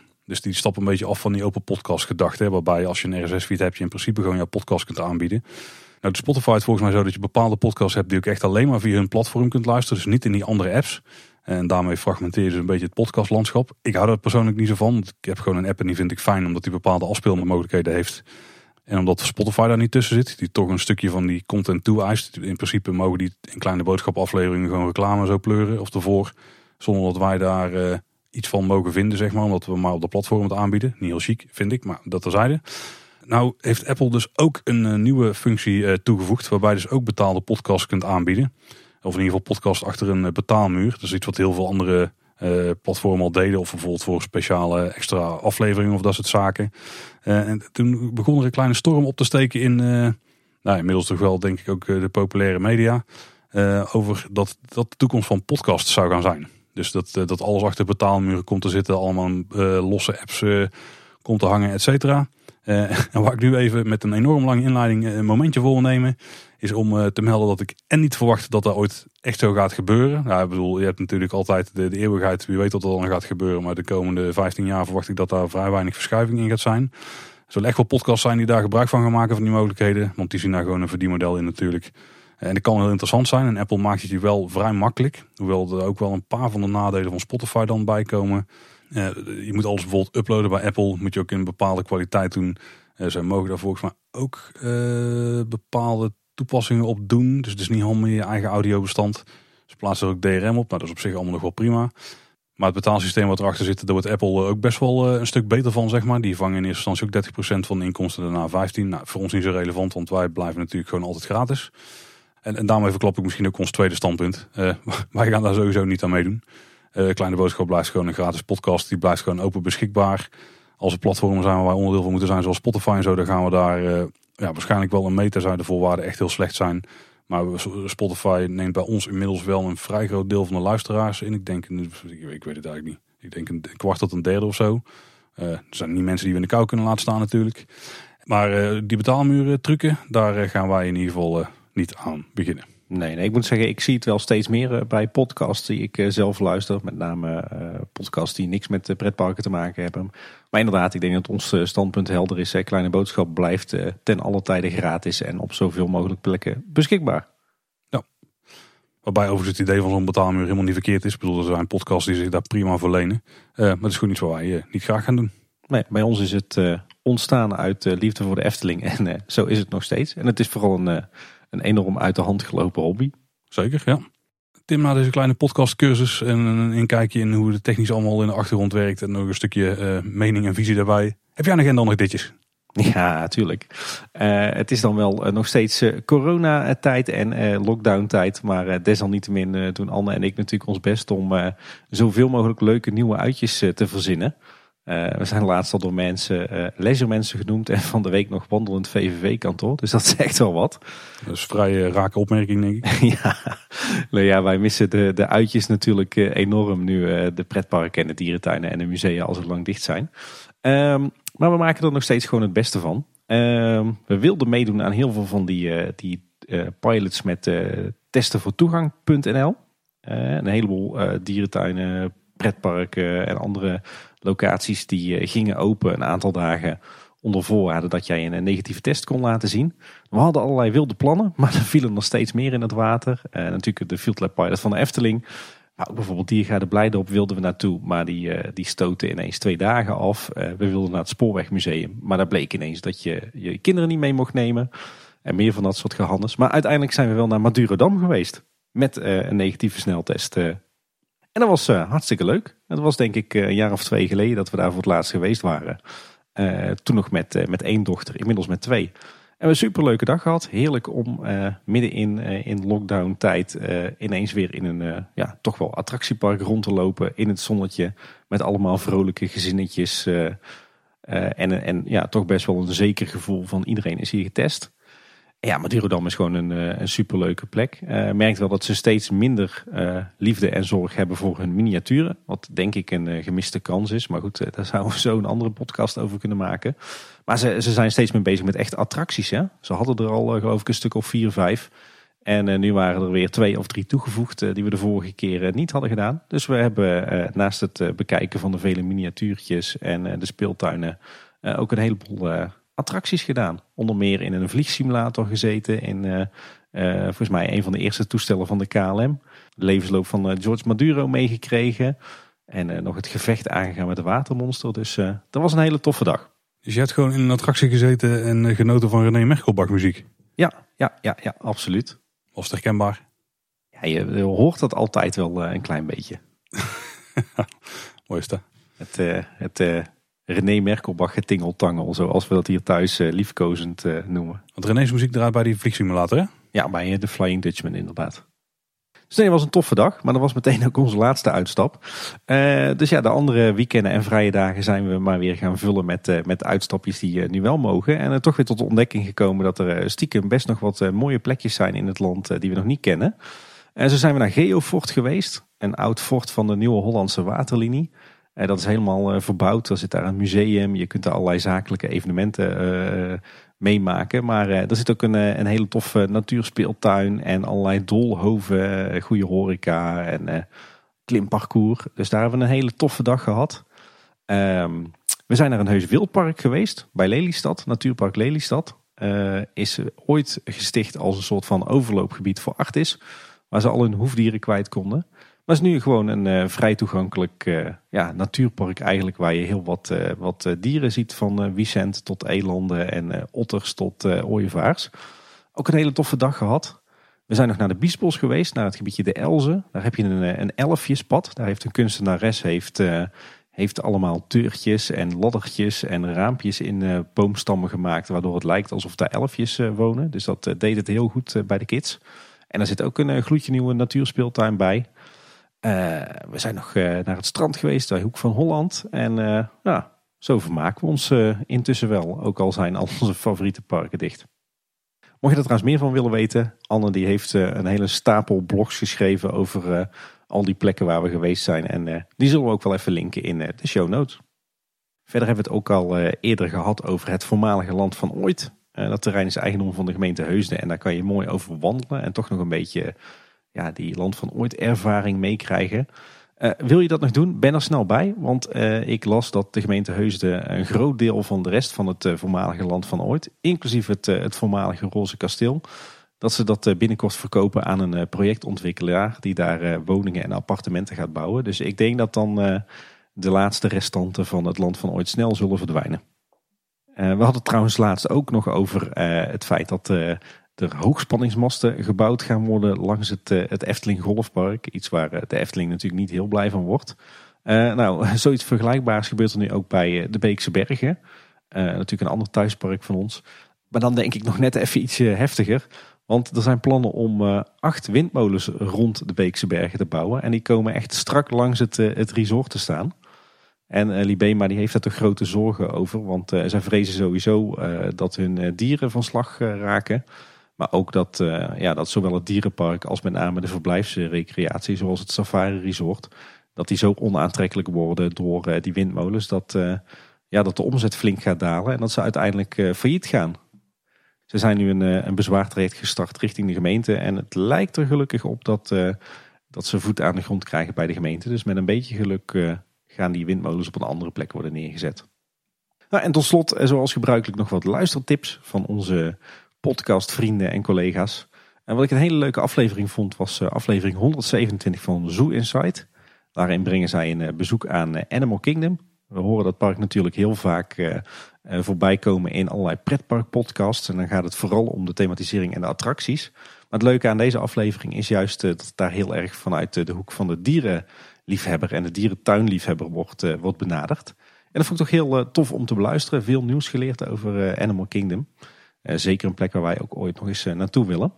Ja, trouwens ook wel grappig is, is dat Zoo Inside nu ook een, een eigen reis gaat organiseren. Een dierentuinreis langs een, volgens mij een vijf of een zestal minder bekende, maar wel heel mooie dierentuinen in Frankrijk. Dus als je heel erg geïnteresseerd bent in dierentuinen, dan is dat denk ik wel een aanrader. Als wij geen, eh, geen kinderen zouden hebben, dan eh, denk ik dat we er ook wel mee aan hadden gedaan. Vindt trouwens plaats in eh, april 2022. En iets anders leuks wat ik trouwens nog bij hen hoorde, is dat Zoepark Overloon, een redelijk klein dierentuintje van Libema, hier een heel eind verderop in Brabant. Die openen deze zomer een tropische kas. Een beetje een burgers bush, maar dan in kleine vorm. Alleen het leuke is dat daar heel veel toffe dieren bij komen. Van gavialen, luiaarden, leguanen, twee apensoorten. Dus dat wordt denk ik eh, stiekem best wel een, eh, pareltje voor die dierentuin. Dus die gaat zeker ook op de bezoeklijst. Dan nog even twee andere luistertipjes. Team Park Science, de podcast. aflevering 6. zij hebben een laatste aflevering uitgebracht in hun reeks over de geschiedenis van Walibi Holland of Walibi World of de Flevohof. Niels Dame schuift dan weer even aan bij, bij Danny. En uh, ja, zij bespreken eigenlijk de, de laatste tien jaar van de geschiedenis van het park. En daarin gaat het ook volop over milieuvergunningen en grondeigendommen. Dus uh, ja, een beetje een soort kleine boodschap aflevering, maar dan over Walibi Holland. Was heel vermakelijk om te luisteren. Uh, ja, en onze podcastvrienden en collega's Mark Dekkers en Niels Dame, die zijn kort geleden begonnen met Typisch Brabant de podcast. Absoluut een aanrader. Ik luister ze zelf met, met veel plezier. En ik moest met name lachen om hun tweede aflevering. Want die was toch een klein beetje een kleine boodschaptintje aan. Want die ging onder meer over schrobbelair, worstenbrood en latrap. En ook volgens mij nog over een ezelfarm die wij ooit hebben aangeraden. Dus dat was een, een aflevering vol herkenning. Dus ga die zeker ook luisteren. Zij zijn echt lekker bezig. Zeker een toffe podcast, ja. Een bekend onderwerp inderdaad. Kan haast ook niet anders hè. In een podcast die luistert naar de naam Typisch Brabant. Ja, daar vallen wij denk ik wel onder met de podcast. Ja, dat kunnen we wel zeggen, ja. Hey, zijn we weer aan het einde van de aflevering gekomen. Nogmaals, wil je meedingen naar de pianocursussen? Dan eh, kun je daarvoor je motivatie sturen naar info.kleineboodschap.com. Verder luister je ons natuurlijk in je favoriete podcast app. En heb je daar nou dus de mogelijkheid om een reviewtje achter te laten. Bijvoorbeeld een Apple podcast, we hebben het er net uitgebreid over gehad. dan, dan kan dat daar. Dat kunnen we altijd zeer waarderen. Dan kun je een ster rating geven, maar eh, geschreven reviews, daar eh, zijn we helemaal weg van natuurlijk. En vergeet je uiteraard niet te abonneren als je dan toch in zo'n podcast hebt bent. Ja, en verder vind je onze website op kleineboodschap.com. Eh, daar vind je natuurlijk alle ruim 200 afleveringen met alle show notes. Eh, je vindt er ook een eh, contactformulier, daar kun je onze berichtjes sturen. Eh, maar je kan ons natuurlijk ook gewoon mailen op info.kleineboodschap.com. En wil je ons dan volgen op social media? Dat kan op verschillende plekken. Op Twitter, dat is denk ik de manier waarop je ons het makkelijkst kunt bereiken. Daar zijn we @kboodschap. Maar op Facebook en Instagram zijn we Kleine Boodschap. Ja, en mocht je nou met veel plezier naar Kleine Boodschap luisteren en je kent nog mensen in je omgeving die wat hebben met de Efteling en die kennen Kleine Boodschap nog niet, dan kunnen we het zeer waarderen als jij eh, ja, hen kunt overtuigen om ook een keer naar Kleine Boodschap te luisteren. Zeker, zeker. En dat was hier in ieder geval weer voor deze week. Bedankt voor het luisteren. Tot de volgende keer. En houdoe. Houdoe waar.